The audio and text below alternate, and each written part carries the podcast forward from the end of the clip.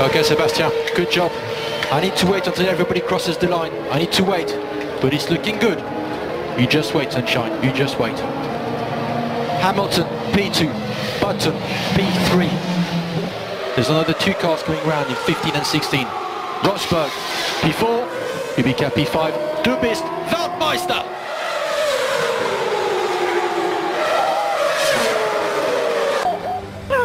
Thank you, boys. Unbelievable. Unbelievable. Thank you, I love you. I need a moment. Sebastian Vettel, you are the world champion! The world champion, well done, enjoy it! You are the man!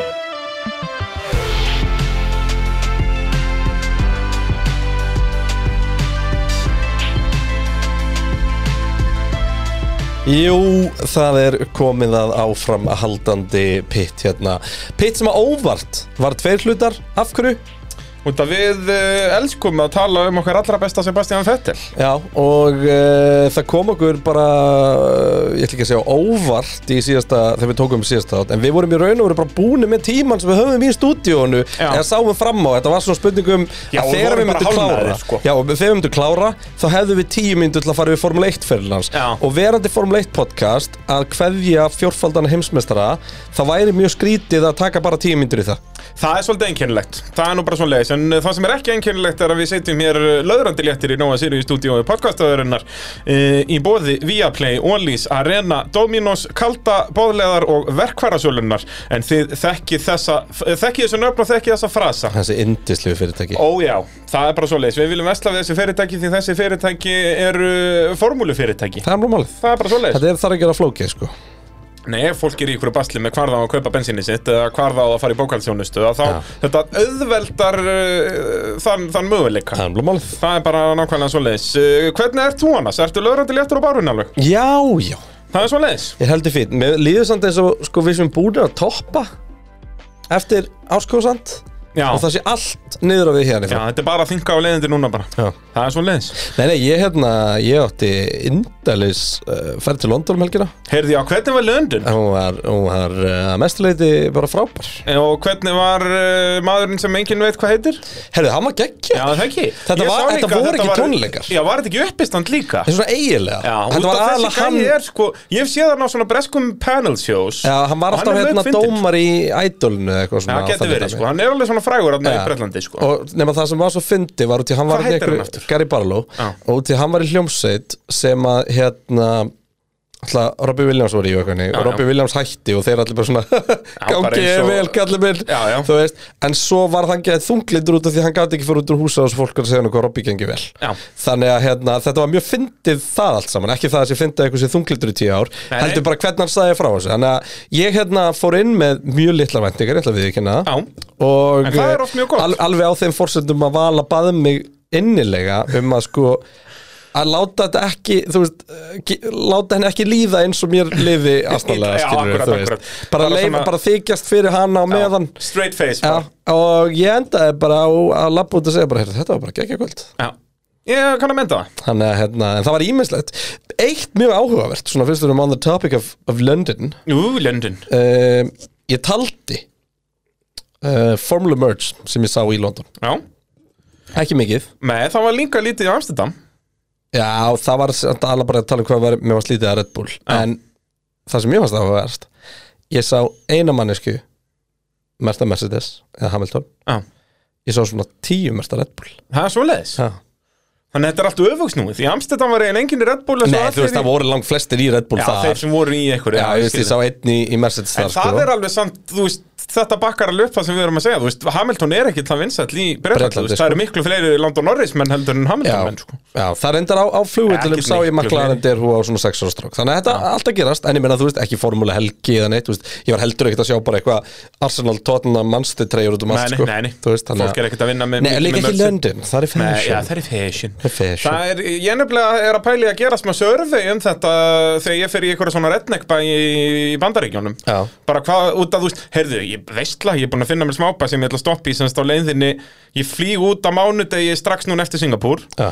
og hef þá vikuna til að keira niður til Dyersburg hann sem er alveg í vestur hluta Tennessee þetta er alveg Ah. 14 tíma akstur um til að taka þetta í beitt þannig ég finn mér eitt smábæ í mittiltíðinni búin að finna mér smábæ þar sem er svona lítil dört oval track fyrir utan og þar er sko þriðudag og miðugudag er bara bullandi prógram, bara þrýr mismunandi flokkar og bara þar allan ég að vera með Bud Light að ruggla vil í liðinu í stillumindar eitthvað fundum Vá.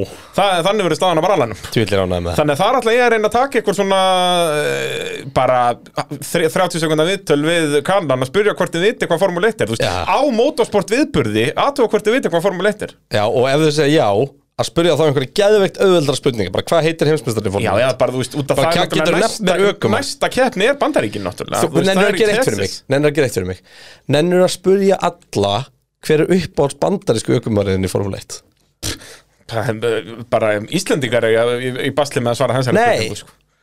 Ég er bara, of all the drivers competing What's your favorite American driver? Já, sem er competing now Þá komaði bara, ah, Jimmy Johnson Herði, úf, ég ætla að segja eina svo frá London sem er algjörlega Ú. ótegnd kappasturvanlu Já, en fílum að- er sennilega eitt svona óþægilegasta moment sem ég hef upplegað lengi Samt Og samt fyndið, var sko. ég ekki með í förm, ég veist það er nú ákveðin skellur Ok, fyrir ekki, óþægilega sem ég upplega síðan að við lögðum bílnum fyrir utan hjá þér og þú fórst út Já. hérna um, á leiðinni heimindaginn Herri, uh, já, við vorum alltaf bara inn í paraferð mm, Vel krútlega á því Já, komum við í einnig svona fullurinsbúð Ó, Pekkum dirty, við dirty, dirty. allavega Síðan erum við sem sagt á röltin eitthvað og ég er bara með í póka Já, ertu góður? já, lögrandi léttur og eitthvað, herru, hérna, t- tökum eitt uh, bjór á hennu fyrir upp á hótel og allir þá fara að gera okkur til til að fara aftur út Þannig að við stökkum inn á okkur bar, það er pakka á þessum bar Mm. og hérna, það er svona tvö sæti við hotn eða sérst í hotni við hotn á borði og þetta er svona tróðar yfir alveg fólk til að komast okkur, herru, er þetta, Mm. er þetta löst? Já, eitt mál og þetta situr svona hátt og eitthvað svona svo við komum þangað, þá misti ég fucking pókan eða ég man ekki Já. hvað það gerist og þetta rúlaði út um allt Allir bara dildóðar og Þannig allt að draslið það var bara út um þetta allt. svo sem ekkert mjög grafist þarna Nei. En þ- allt í einu erum við í svona shame en samt ógeðslega fyndi hlátuskasti Já. að skrífundi Að borð Sækja börnflögg og drast fucking bara eitthvað bara, dót. bara undir borðum og eitthvað Afsækja, afsækja, sækja hérna þennan búning hérna. Það er eitthvað að metta þetta Þetta var, þetta var eins og eitthvað atriðu klón sko. Þetta er, þetta er gott grín Þetta var hrikalegt sko. Þetta hafði verið verra fyrir tíu árum síðan sko. Nú Þetta er þetta er svo verið, já, lípa með þetta algjörlega, Það er bara algjörlega. öllum En það var skýrt sérst saman. að fannst öllum þetta ógeðslega fyndi þetta Já, í kringum var það okkur ekki? Nema einum sem var bara í Var hann vond, bara- hann færði sig eftir Það er þetta. svoleiðis, Já. bara það eru hverju djöfisins pervertar hérna Já. Ég vil ekki sjá þetta Já, helviti en svona, þú veist, auðvitað hefði þetta verið skemmtilegri saga ef ég hef verið bara með, þú veist, bara rubber fist eða eitthvað svona sem Já, væri alveg eitthvað alveg svona- vandræðalegt sko. Eitthvað svona alvöru, bara eitthvað Já. hérna bara, eh, þú veist, hálfan meter bara römbu fyrst, bara alvöru pakki Þetta var, þetta var samt, þú veist, shit Þetta var svona, þetta var svona momenti sem að dagana tvo eftir ef að annað okkar byrjaði að randomli bara að hlæja ógislega mikið Já, þá þá vissum var- við hvað máli var Já, þetta er krúllett Þetta var skemmtilegt Það er gaman að þessu, það er bara svona leðis Heyrðu, eh, líka svona eh, fréttir, eh, nýjar fréttir eh, Lewis Hamilton búin að vinna sína fyrstu kefni Veitu hvað var, einhverjum hann að kepa? Hann er liðstjóri í Extreme E Já, Þar var Sebastian Löpa Um helgina? Næla, já, þetta var í Chile sjokk er að Sebastian Lööp vinni kjarnar rallybíl Já, ótrúlegt en satt Já. Já, það er samt sko, hérna, X44 lið Það hefur ekkert verið að vinna neitt mjög mikið þarna sko Nei, Rosberg er betri til dæmis aðna enda Já. geitin, við þekkjum það Eh, ertu að tala um uh, Monaco-based YouTuberin uh, Já, sem er geitin í Sem er- Formule 1 sögunni búm shakalaka, Já. það er svolítið svona leðis En eigum við að tala um Sebastian Vettel Við, við vorum komin til ásins 2008, ekki sant? Uh, jú, voru við ekki að klára, við ákvaðum að taka með þetta ár sem var halva árið þarna 2007, þegar hann tekur hann eh, eina Já. kjærnum BMF og svo Því að þá var hann í raun og veru Toro Rosso. ennþá á junior karriérinu sínum Já, já. en fær þarna kerra big Mark break. Webber í rig- rigningunni á Fuji og allt þetta Allt í toppmálum, en er komin er, er með staðfestan samning hjá Toro Rosso 2008 þannig að, að þetta hafði ekkert eh, svakalega slæmar afleiðingar og eh, já, þá skulum við bara halda áfram eh, sögunni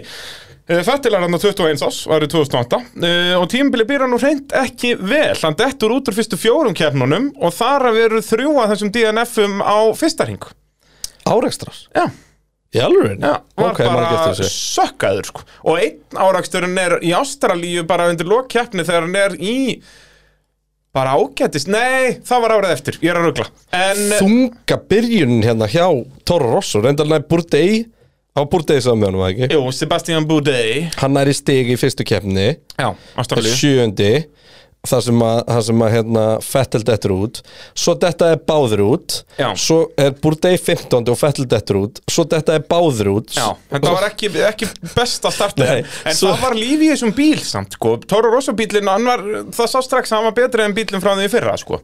sko í fyrstu, maður svo, í fyrstu 1, 2, 3, 4, 5, 6 keppnum er 4 DNF 4 og, það eru 8 DNF og 12 störtum í fyrstu 6 keppnum það, er, það er brekka það er rosalega brekka Það er William. djöðs basl En síðan kemur Monaco og þá heldur betur rýfur Sebastian sig upp og uh, það er að segja Fettel Leysfélagin séð nú líka Sebastian Já, hann gerði ekki mikið á þessu ári, ég er að sjá það núna Mér- Sebastian manstu- Bourdais? Nei, Ég var hann- eitthvað að reyna að segja að hann hefði verið ágætur Nei, það er að lástaða fyrir að hann var bara eitt ári í Formule 1 sko. Fyrir hvernig bött hún að kera 2008? uh, Honda Vákæra vel liður Já, það, þetta er hann heimsbílinn Já, hans og í ógeðslega bara. Já, m- m- mynd af grænum heimi Já. á sér og engi, ekki eitt einasta logo Men á hefði honum. alveg verið svona skemmtilegt í eina keppni út af Já, einhverju eitthvað svona Hann- eitthvað heilt Green Week, season, já. eitthvað, þetta var ógeðslegu bíl og það var ekki hjálpunum, hann var sökkaður sko. Nei, einmitt. Uh, en uh, hvað um það? Já, 5. sendi í Monaco og síðan 8. sendi í Kanada þannig að það eru komin tvö solid stig þar uh, og uh, nær svo öðrum, já, þremur stigasættum fyrir Monsa en uh, já, Monsa er nú í aðal keppnin sem við þurfum að ræða um hérna 2008 Kristján. Fjórum stegasettin fyrir það Ekki já, verið að með, ljúga hvað með Monaco, Kanada og fjórum í viðbúð Þískaland uh, Já, sagði Kanada líka Sorry, já, já, já, ég var að tala um Kanada með Sorry uh, skiptir ekki öllu, en bara þess að rock solid árangur með að við, þú veist bílinn 2007 Toro Rosso, hann var bíl sem átti ekkert að vera í stegasætti, en þessi Já. var alveg ágættur sko. En ég er svona, ég er að reyfita upp núna Og því að ég náttúrulega mátt ekki vera með puntar en þannig Þannig ég er að Nei, skoða nei. þetta bara svona samhlega Já, já, Eh, ég man einmitt að running up to Monza þá var búið að vera tjóðisins momentum á honum sko. já, var búin að hann var búin að snúa þú veist, stegasættum og því þetta var alveg svona hvað er að gera með hann gæja eftir fimm keppnir Mhm. en svo bara þarna einhvern veginn bara skrúaðist hausinn rétt á og gæjan fer bara að banka inn störluðum árangri og við slum ekki vann með þetta heldur sko meðan að hann er að skora stig eins og í Fraklandi í fjórðasæti að þá er sko Sebastian Bourdais á heimavelli í hinum bílum 17. Já, Þú veist, bara svona til að setja þetta í samingi Já. að e, þetta var vissulega fettel að eh, ná árangri, þetta var ekki þannig að, að þeir voru alltaf saman í, í stegasættum en leysfélagarnir sko. bílinn var allæg, hann var ekki hræðilegur sko. Hann var allt í lagi og, og, en var greinilega settur upp, hann var svolítið eins og Williamson í ár var mjög sleipur á beinum köflum þannig að uh, á Monsa í rigningu, við komst nú að því undir lok síðasta eh, þáttar uh, hversu góður Fettel var í, í rigningu Uh, og það reyndi alla helgina á Monsa og ég, ætla einmitt að segja, ég held að hann hef ekki verið sleipur í beinni línu Jú, hann var það alveg En sko. hann var bara ógeðslega góður í rigningu var hann ekki? Já, Eða bara og fettil á Vettel þessum bíl náttúrulega, Já, ég menna hver endaði Bordeaux eða Bordeaux eða hvað hann heitir á, á Monsa Ef þú spáir líka í því og tekur topp þrjú sætin Já, Bordeaux og Monza Já, hann held- endaði solid átjóndi Já Og meðan að linsfélagin vann sem sagt, og þá eru voru stóru orðnir fréttirnar. 20 því að það byrjuði 22 sísunnið Já. en það dettur þarna liði sem að Sato og Davidson hvað heita Hérna bara Virgin Racing Nei, eða var hvað þetta heitir. það þá? Nei, ekki þá var þetta ekki frekar þarna háir Marussia, nei. nei Nei. Nei, þetta var þarna Subaraguri Super Aguri akkurat, það Þeir var annað hættu, ja, hóndalið hættu eftir fjóra keppnir Alveg rétt, Alveg ekki alveg rétt gjaldþrota Þannig að hérna, já, en ég sko Ég er aðeins að horfa á þá sem eru fyrir ofan hann í heimsmeistaramótinu Mhm. og þú veist, og eins og þannig á Ítalíu þú veist, það er eiginlega enginn sem endar fyrir ofan hann í heimsmeistaramótinu þetta árið fyrir utan Alonso og Hamilton sem ég hugsa góður í rigningu Já, Það var voðalega lítið af Af einhverjum einhverjum svona rigninga epic, já. specialistum sko hann er náttúrulega sjúmakart uh, Já, nýhættur Fettel er eiginlega næsti rigningaspecialistinn og eftir Schumacher og spáður í því. Því að Hamilton hefur alltaf verið góður í rigningu samt ekki einu svona alltaf, en hann Jó, hefur alltaf verið segur í jó. rigningunni Já, já, hann er en hann, það hann var rigningaspecialist, aldrei sko. eitthvað svona þú hugsaðir eitthvað, nei, þú hugsaðir ekki rigningaspecialist Og eftir hérna Silvestan 2008 gerði það sko Ok, heiðalegt, heiðalegt Ég- Var þú það veist, ekki alveg keppni eins sem og að eftir Monza massa 2008 hugsaður um Fettel sem Va- regningaspecialist sko það er keppni sem að massa endar í 17. sæti og náðu þeim ótrúlega árangri í Formule 1 að spinna oftar heldur en sæti sem hann endaði Já, hann andjók snerist bara þú hann var veist, bara að snúast allan tíman Já, Stundum snerist í tvo ringi, stundum bara einn En hann snerist mikið og oft sko. En uh, já, Fettel eh, vinnur þarna í Monsa Nær áspól í áreikningunni Og heldur síðan bara fyrsta seldum Út af því að það er Þetta- þetta fólk likes to misskilur flag, sko. þetta, Já, þú veist, og, og fólk miskilur sko Já, Arnur Tóra Rosso, þú veist, þetta var bara einhver frí keppni bara eins og Nei, þegar Gasly vann á Monsa Já, þetta var ekki þannig sko. hann bara ádrætt Já, pakkaði já og við erum að tala um pakkaði Já, það var með þetta var ekki- Þetta var samfarandi leiðileg keppna á að horfa, skiluru Hann var fyrir bara, utan, ekki fyrir mig Nei. ég var, ég horfði á fættir allan tíma með stjörnunar í augunum á einhverju hótelherbyggi bandaríkjunum með miðjanótt og ég var sko á, þarna, þarna varstu uh, full, fullkomlega seldur á þetta ég var á nálum sko Þannig ertu náttúrulega orðin grótar og fettel maður út af Já, karlingstafinu og nýbúin að taka minn fyrsta pall á Monsa Já, þetta var alveg bara þetta var styrla dæmi uh, þarna líka, það sem gerist þegar ég horfði á þetta þú veist bara Kristján, þú ert að keira bílinn sem að þessi gæi Og hann er að keirði hitti fyrir Já. í Macau Eins og við fórum yfir í síðasta þetta, Já. þetta er styrla dæmi sko Og hann var að vinna fokkin formule 1 keppni á Tóra Rosso sko. Akkurat, á Monsa Þannig að Geðveikt. þarna var þetta alveg skrifað í skíðin að Hann var að fara til Red Bull og, og allt þetta Og, og gott ef hann er ekki annonsaður Er hann annonsaður um mitt síðan? Ég held ekki, ég held að það sé eftir tímabil sem að það er sagt að hann sé að fara upp í, upp í Red Bull Uh, en hann fær þarna á autosportvelarunum fær hann uh, Rookie of the Year Award Hvar endar hann í heimsvöldunarmótinu hann? Ertu að skoða það? Já, uh, betur ég var að sko er hann ekki eitthvað lestið það? Nei, Nei, hann er miklu nú- ofar. Hvað, áttundi? Hann er 18, já Sko, búm Þannig að rock solid ár, það er uh, nákvæmlega svoleiðis uh, og áður en við förum til ásins 2009 og þá verðum nú að minna ykkur á að uh, þetta er allt í uh, þægilegu samstarfi við bóðilið ef ykkur vantar uh, trausta bókaltjónustu og þá uh, kíkið upp í bóðilið og þeir eru líka með uh, já, tæknithjónustu fyrir símkerfi og net og uh, allan pakkan þannig ef þið eru ykkur í basli með þetta þá heyrið þið bara í bóðilið uh, 2009 Betur, að tala um 2008 Já. Það sem er líka alveg svolítið áhugavert við þetta Ég er að skoða hérna bara til dæmis topp 11 þetta árið voru allt reynslu miklu aukumenn nema kannski Robert Kubica Hann var samt ekki reynslu lítill þarna sko Nei, Kubika, við komumst aldrei að því í síðasta þetta Kubika er alltaf basically bara svona einu ára á undan þetta Eh, s- Já, en hann kom hann ekki samt inn í formúlunum 2005 eða eitthvað, 2006 Nei Kemur hann ekki, hann er Það er áhugavert ekki að sögu hóttum Kubica Ég er samt búinn, ég fekk betra suggestion á velunafendingu í rallinu um síðustu helgi Ok, Æ, Juan Pablo Montoya ég er ekkert eðla til í það Já, við verðum að gera Og það líka út í að það er áhugaverið postferill líka sko. Ég veit það, þú veist En hérna, ég, ég- ég er að horfa ég, Ég er að horfa á náttúrulega næst verður listan. Kimi samt Já, 100%. Verðum að taka Kimi Ég er að, Já, og þú veist, og svo bara svona gaurið sem bara kello og eitthvað var bara áhugavert sko. Ja. En ég er að horfa á listan Sko, þú veist þessi nöfn Ok, Hamilton er náttúrulega ekki vettarinn reyndar Ég ætla að Það er erfitt að skoða svona eftir á því, þú veist hvað menn voru Já, lengi Hamilton er En þú þarna frá veist, öðru ári, sko. Massa er búin að vera hann í svona tíma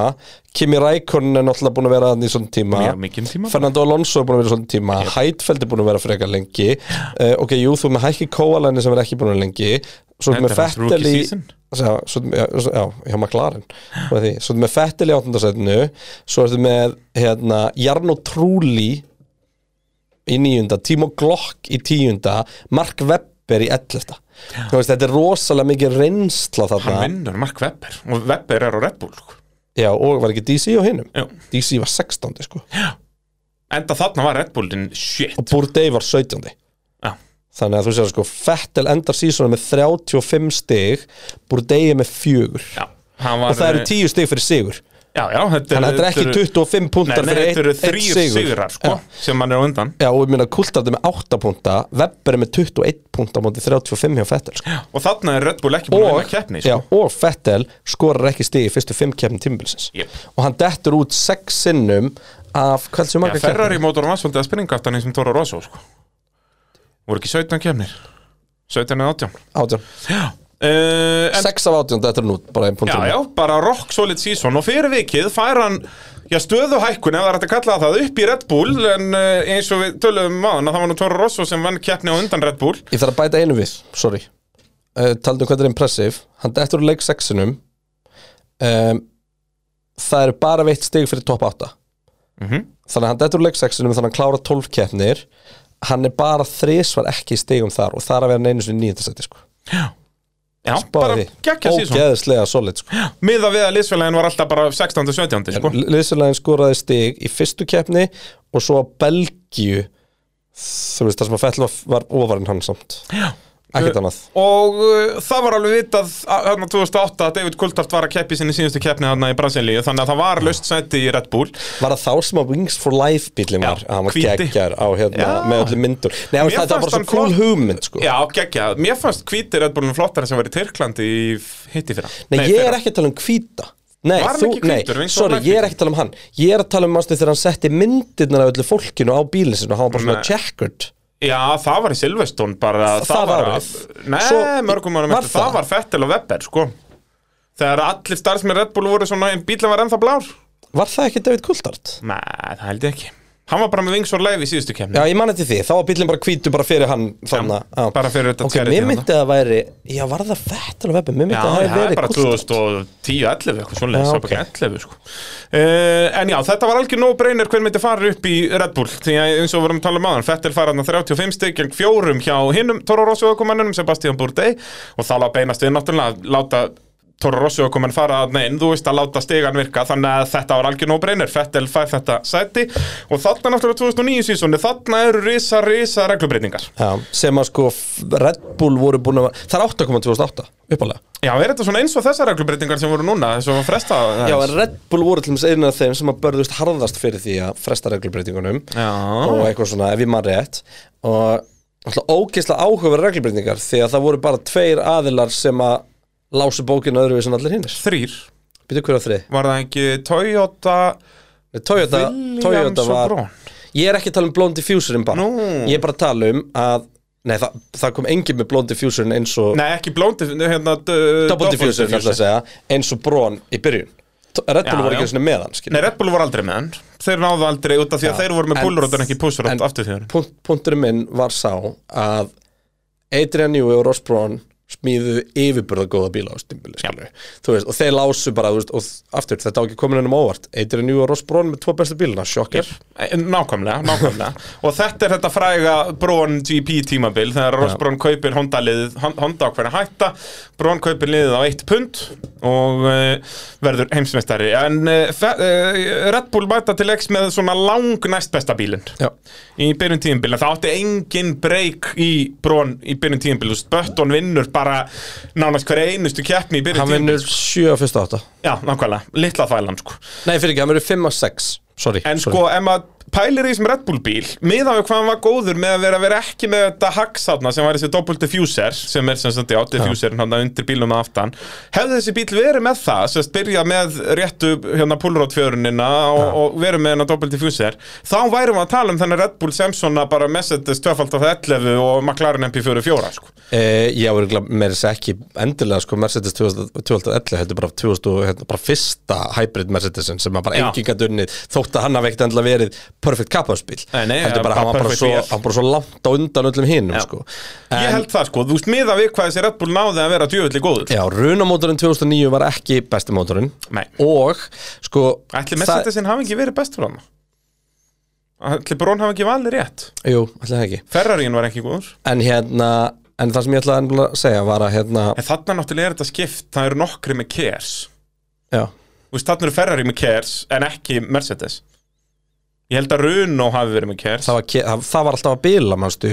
það er eiginlega alltaf bilannar hjá bæði Fettel og, og Já. Webber Það var alltaf uh, en sko málið er bara það þessi, þetta byrjun á tímabil hjá hérna þú veist, við slum ekki vannmynda það að eftir að Bötton vinnur þarna nei, beti, þetta er 1, 2, 3 ár þetta eru 6 af fyrstu 7 hann vinnur 6 af fyrstu 7 þá er hann tvisor á velunapalli það sem eftir er tímabils Já, Þú veist, og bara það til að setja það í bíllinn- samhengi. Og það er nefnilega málið, sko, ef maður horfur á tímabili hjá Fettel að það er alveg auðvelt að benda á nokkar hluti, þú veist, Fettel var alls ekkert langt frá titli, hann er- endar hann í öðru setja á eftir Bötton hann er 11 stegum að eftir Já. og í fyrstu tveimur keppnunum lendir hann í einhverjum, einhverjum vesinni Þetta eru átta velunarpallar yfir tímabili, fjórir sigrar hjá Fettel Klárar annar, 11 stegum Já, hann eftir eh, dettur Button. út í fyrst og annari keppni en hann klára 90% keppni þannig að hann er qualified Já, en þú veist, eins og í fyrstu keppni Ástralíu, þá dettur hann út bara með fjóra ringi eftir Akkurat. eftir að hafa bombað á Kubika þegar hann er í öðru Já, var það sæti. þannig Já. Ok, því að málið það sem ég ætla að nefna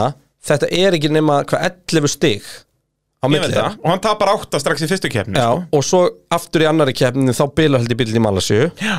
og svo hérna dettur hann þrisvarsunum í viðbót úr leik á meðan að hérna Bötton dettur einu svona leik á tímabilinu Barry Kello dettur einu svona leik á En tímabilinu brónin var ekkert mikið í þessu og, en ég, hérna, ég heyrði mig áhugað samtalum um daginn, ég man ekki hvað ég var að hlusta á þeim það var myndið einhverju vettirans frá þessum tíma og þeir voru að segja að sko, Red Bull bílinn hefur verið miklu betri heldur en brónin ef að, þú veist, bara mínus blond diffuser sko. Já, já 100% Nei, double- double diffuser, fyrir Ef ég. þessi bíl hafði verið með double diffuser Þetta hafði verið bara eitthvað mesta skrýmsli formúli sögunar sko. Það er bara þannig Já. En uh, þetta var líka svona hitta mál hérna Red Bull voru stöppu geðvikir hérna bara uh, verða að banna þetta og, og, og, og, og ég held að þeir hafa alltaf haldið að þeir væri að fara að ná að banna þetta þannig að þeir fóru ekki í að þróa hérna fjörun Já, út af því að þeir þurftu að þróa allan aftur endan Já, Út af því að þeir myndu þurfa að hafa fjörunina Þú veist, ég man ekki hvort að þeir voru með Já. búli eða púss En þau hefðu þurft að snúa því við Akkurat. Það þýður bara likku við að hanna nýjan girkassa sko. Bara ekki líku við, það eru ný mánt á honum Já, en þú veist, Já, bara bara já, nýtt já. hús Að, hérna, En já, bara major vesen Þess vegna fóruðu þeir aldrei almennilega í það uh, Fettel náttúrulega tryggir Red Bull sinn fyrsta ráspól og fyrsta sigur hérna í Kína Red Já. Bull hafði aldrei unni keppni fyrir þá og, og, og það er Fettel sem tryggir þeim titilinn uh, og endar tíðumbil alveg vel á undan Webber þetta eru 14 og halvt stig sem hann endar á undan ja. halva stíði kemur hann út að mala sig í kapphættunum sem var flaggaður af bara eftir halva keppni út af því að kapphættubrautin var bara eins og árfarvegur en ekki Malbygg þannig að það er Svona eins og getur orðið um helginni í Singapur Já, það geti, geti enda þannig uh, Og eins og ég segi, er ekki langt frá titlið þarna En maður hugsar, þú veist, út af því að Brón byrja tíðanbilið svo, með svo miklu dominance að það hlýtur alveg, það fer ábygglega alveg svolítið í hausin og ökumönnum skilur út að þú hugsar ekkert bara, heyrðu, brónin verður ekki eitthvað lélegur undir lokin, ég ætla að halda áfram að vera duglegur að safna stegum og eitthvað, þú veist, þetta tekur svolítið vindin úr manni, skilur Mhm. þegar eftir hálft tímubil ertu bara komin 50 stegum eftir, skilur en brónin náttúrulega þeir átt Fá ekki bara í bakkir Já, þeir áttu enga peninga, Nei. bílinn var ekki neitt þróaður, skilur, þannig að setna þetta tímabils var bílinn bara sökkaður.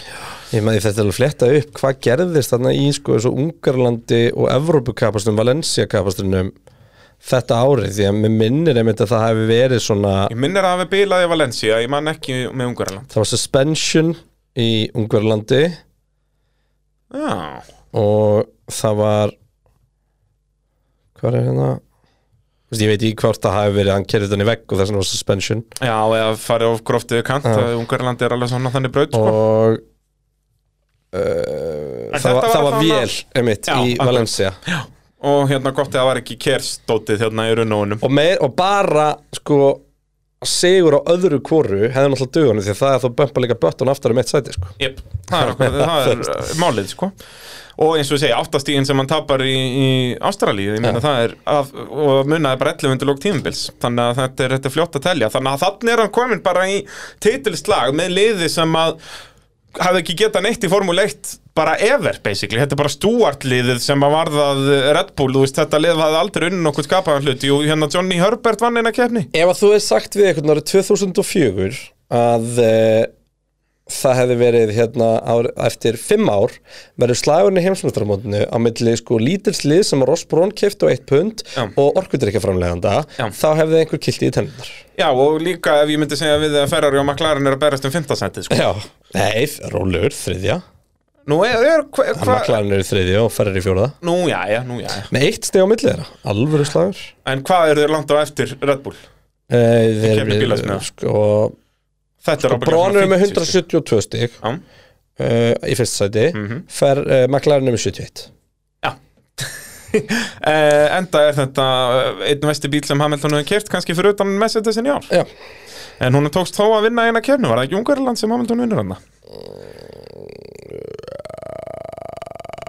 jú, sjokker Já, Nei, hann vinnur vinnur tvær, hann er Ungarland og Singapur það er svoleiðis, það er ekkert annað En uh, þá skulum við fara til ásins 2010 Uh, þá uh, byrja tíðinbila þannig að Fettel gerist formaður samtaka ökumanna í Formule 1 sem er hann að uh, Drivers Association uh, Fettel verður aðal maðurinn þar og uh, Já, nú er bara hörku titilslagur, núna er Red Bull uh, einn af bestu bílunum, Ferrari er búin að rífa sér vel í gang líka Þannig að þetta eru svona helstu þau og, og McLaren svo sem líka Þannig að þarna er rosalegur uh, titilslagur En þetta er aðalega Fettel og Webber sem er að berja sem titil En Webber leitli mótið uh, framan af Webber, uh, sérst, augljóslega mjög svektur með 2009 tímabilið Og nú veit hann að hann hefur tækifæri og, og mætir mun svona einbyttari til lengs 2010 Já, Webber var miklu betri aukumar heldur en hann fekk ekkert um að kredi fyrir sko allavega hann að kredit frá þér, ég hef alltaf reynda það Já.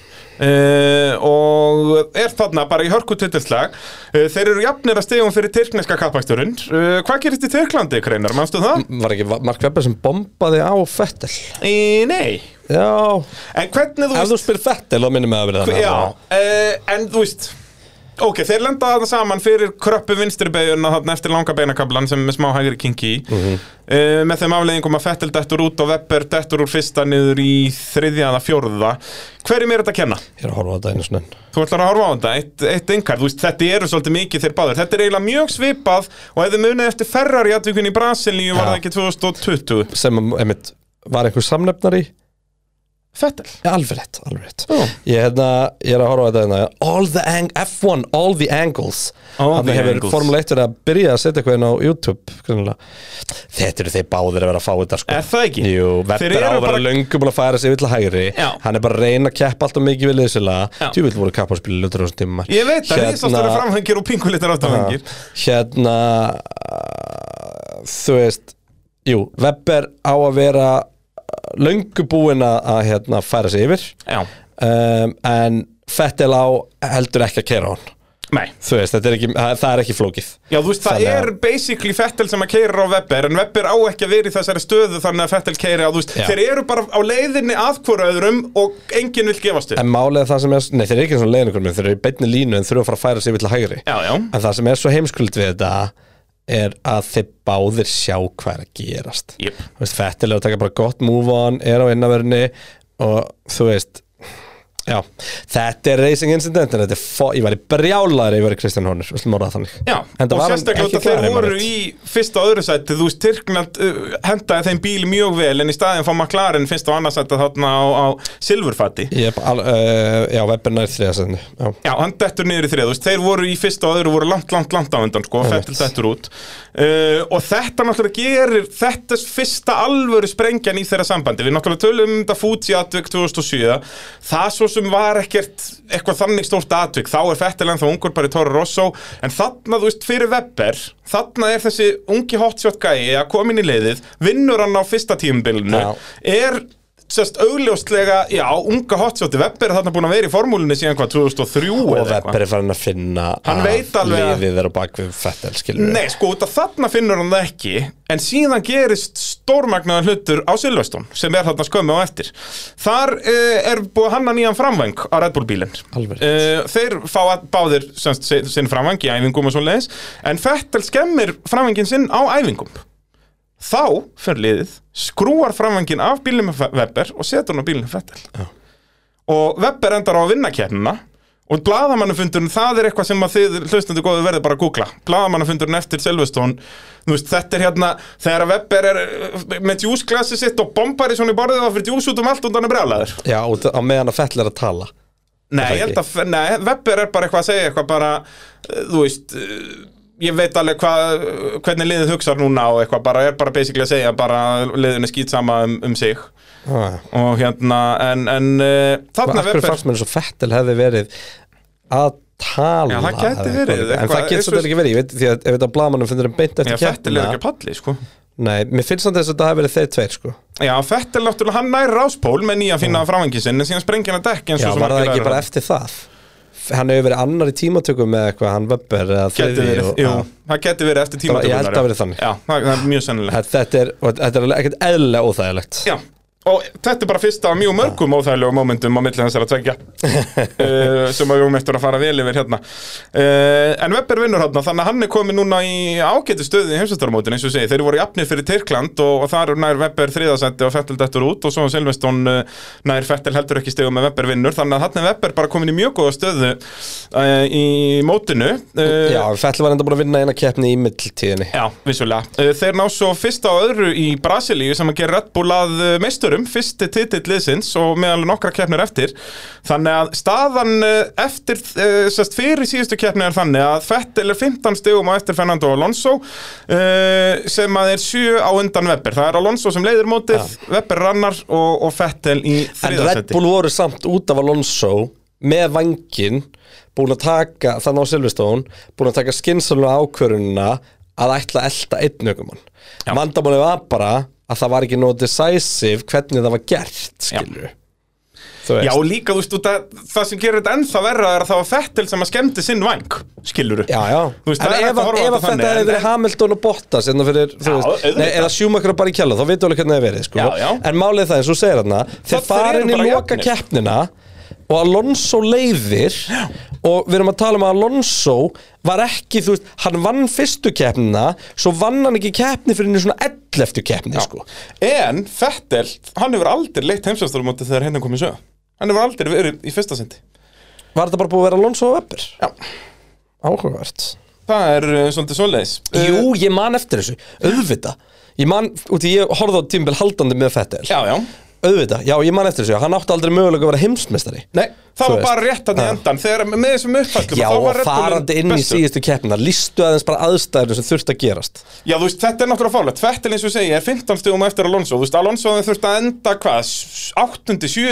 eitthvað svo leiðis uh, Sko, Hvar endar 15 Alonso? stig uh, 15, hún vantar þá 10 stig til að vera örugur í raun og veru, því að mest þetta var 25 stig og gott ef Alonso er ekki með þess að maður eh, svo, 1, 2, 3, 4, 5 1, 2, 3 Nei, ok, Fettil er enda með fjóra sigra þannig að vera jafnir á sigrum en væri það þá ekki sá sem að sko, svanna undan ef að það er Jú, getur verið og það er þá Alonso þannig að ég held að Alonso sé með það með tæbreykerinn sér í hag Já, þannig hann hefði þurft að vera sjötti eða eitthvað Já, þannig að hann hefði beisli þurft, nei, hann hefði þurft 10 stig, hann hefði þurft að vera 50 meða við það að Fettil vinnur Já, en svo náttúrulega er þetta fræga Abu Dhabi keppni, þetta er fyrsta keppni í Abu Dhabi Jep.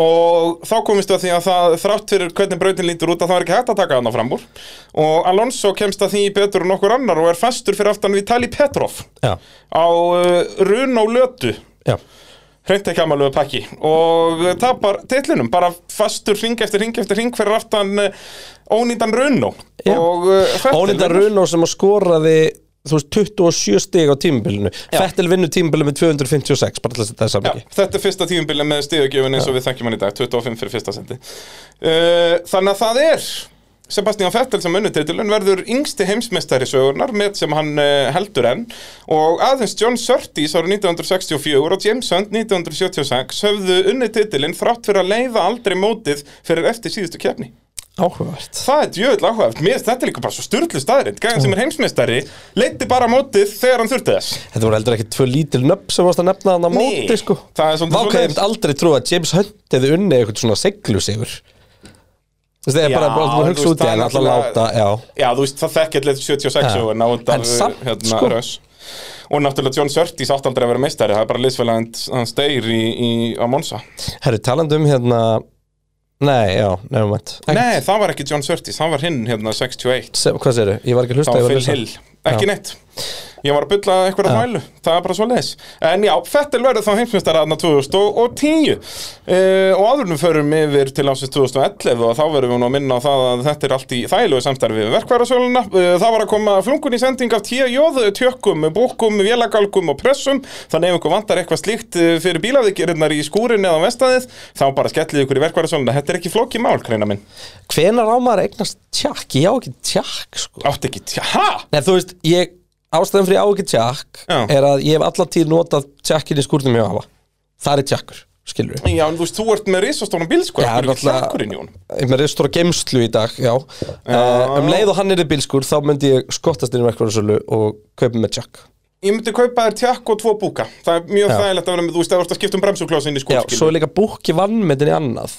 Nú, uh, By far Ú, besti maður giska- raketu Ó, skotpallur ég sem vissi að þú það var að finnur fara að segja það. Ég vissi að það var að fara að segja Tekur bara miðurstekki úr Jep, og skellir, og þá þarf ekki að vera að nota gamla tertu eða eitthvað svona eins og Já, fáið eitthvað svona annir. sem dettur Já. Þetta er bara Þetta er rock, solid Já, en ég mæli með þessu, bara solid tjakk Já, og meira að segja sko, ef þú ætlar að fara þú veist, þótt þú eigir ekki bílskur eða bíl náður í búka, bara fyrir raket, raketin Bara fyrir raketunar, já. Og líka eins og segja, þó að þú eigir ekki skúr að eiga tjakk og búka er hugulegt, þú veist, þú getur alveg skipt um bremsuklossa í hlaðinu heima, sko bara, bara á YouTube Já, þú veist, já, bara, og bara geta verið að vesenast í þessu og meira segja bara þú ert að skipta um dekk, sko. Annað þetta. það er svolítið Eh, svo leiðis. 2011, uh, það er kannski svona það ár sem við tölum hvað minnst um því þar var Red Bull bílinn bara rugglgóður. Þarna var ekki þessi svakalegi slagur um titilinn, bara algjör dominance, örugur titill, hann eh, endar 122 stegum á undan Bötton sem er í öðru seti uh, og hrikalegt ár fyrir Mark Webber. Hann er hann í þriðja 12 stegum á eftir Bötton. Já, við erum að tala um sko að Fettel vinnur 11 af 16, hann vinnur 11 af 18 keppnum Webber vinnur síðustu keppnum tímabilsins That's it Já Og uh, eins og ég segi, Webber, þú veist, þarna þá svolítið búin að missa hausinn eftir 2010 uh, Og En Webber, þetta er ekki sko, þetta er ekki Webber að dettur leik aftur og aftur, hann dettur út einu sinni sko. já, já, hann er bara alltaf hann í fjórðasæti, bara eitthvað að- Nei, hann er nóg að þriðju sætum, eitt annarsæti, eitt sigur Já. Nei, tvö annarsæti, eitt sigur og svo bara fjórði, fjórði Hann er, hann, vá, hann klárar fyrsti, annar, þriði, fjórði að 50 öllum keppnum tímabilsins Það er svoleiðis Já, nema, veist, hann klárar Takka aldrei George aftur Russell á þetta bara Hann tekur stig í öllum keppnum nema þannig að hann datt út á bonsa Já, Mér veit ekki hvað gerist En þeir eru ekki að fjalla um Mark Webber ég manna ekki, en þetta var bara easy titill Þannig að uh, tvöfaldur uh, mestari Hvena var Fettel aftur orðin mistari þarna? Það var snemma, sko Þú veist, hann vinnur Þú veist, með 122 stigum sko. Já Það var bara, og 25 fyrir sigur skilur og hann var, eins og segja, þetta var algjör dominance Red Bullar uh, Þannig að flest allir held og 2012 verið sama sagan en eh, það var svo sannarlega ekki Það Jú, bara bíddu, er er Red þetta Bull í ekki- skýtnum til, eh, til að byrja með Hann varð held ég ekki heimsmeistari fyrir ný Indlandi Já, Það er hann ekki verið. vinnur hann í Ind- Indlandi 2011 Já, Ég man eftir því Það er hérna uh, frægir dónuttar þar á, á hanskaplanum já og ég bara spáði hvort að það hafi verið þarna ára eftir eða hvað Nei, ára eftir fór náttúrulega bara down to the wire og 2012, þú veist, við náttúrulega fórum eh, vel yfir það tímabil hér í, í hvað, þremur eða fjórum þáttum hér í, í pitnum í, í vetur uh, þannig að við kannski rúllum svona tiltúlega fljótt yfir það, en það var rosalegt tímabil Já, en sko með 2011 Já. Ánu loka því Já. Þetta er tímabilið þar sem að Fettel stimplaði sig inn sem bara sem þarna, Schumacher þarna var stemning. Fettel á sama stað Fyrir þá sem voru ekki að horfa þá Og verðstapin sendur hluti þess tímbils Já.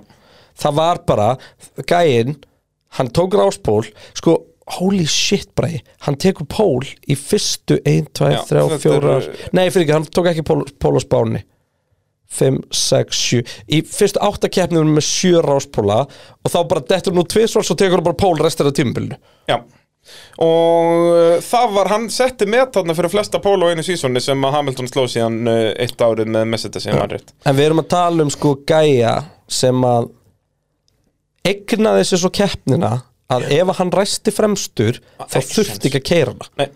bara eftir 11 ringi var hann komið pitstop á næsta bíl Hann gerði það bara og þú Svo bara hékk hann bara það um í þar útsendingum hvað, út af fólk náttúrulega var ekkert allir okkar hlustendur voru nú ekki að fylgjast með formúluna þessum árum uh, en það var engin betri í þessu ef hann restar áspól eða bara ef hann kom fyrstur út í fyrstu beigju það var engin betri í því að setja bara inn qualifying ring, ring eftir ring eftir ring bara fyrstu 15 ringin í keppninni þannig að þetta varð aldrei keppni hann hefði getað átt glata pitstop og, og hrikalega strategi, það skipti ekki neinu málu hann var búin að vinna keppnina fyrir Það fyrsta var pitstop málið. Og bara til að setja í samingi þá var þetta ekki eitthvað ömulegt gritt sko. Þetta er ekkert sterkasta Nei, gritt sem hún nei. séð En þú veist, þetta var Fettel, Button, Webber, Alonso, Hamilton, Massa, Rosberg, Mikael Schumacher uh, Þú veist, Nick Heidfeld, Sergio Perens, Rubens Barrichello uh, Pastor fucking Maldonado Já, uh, geitir.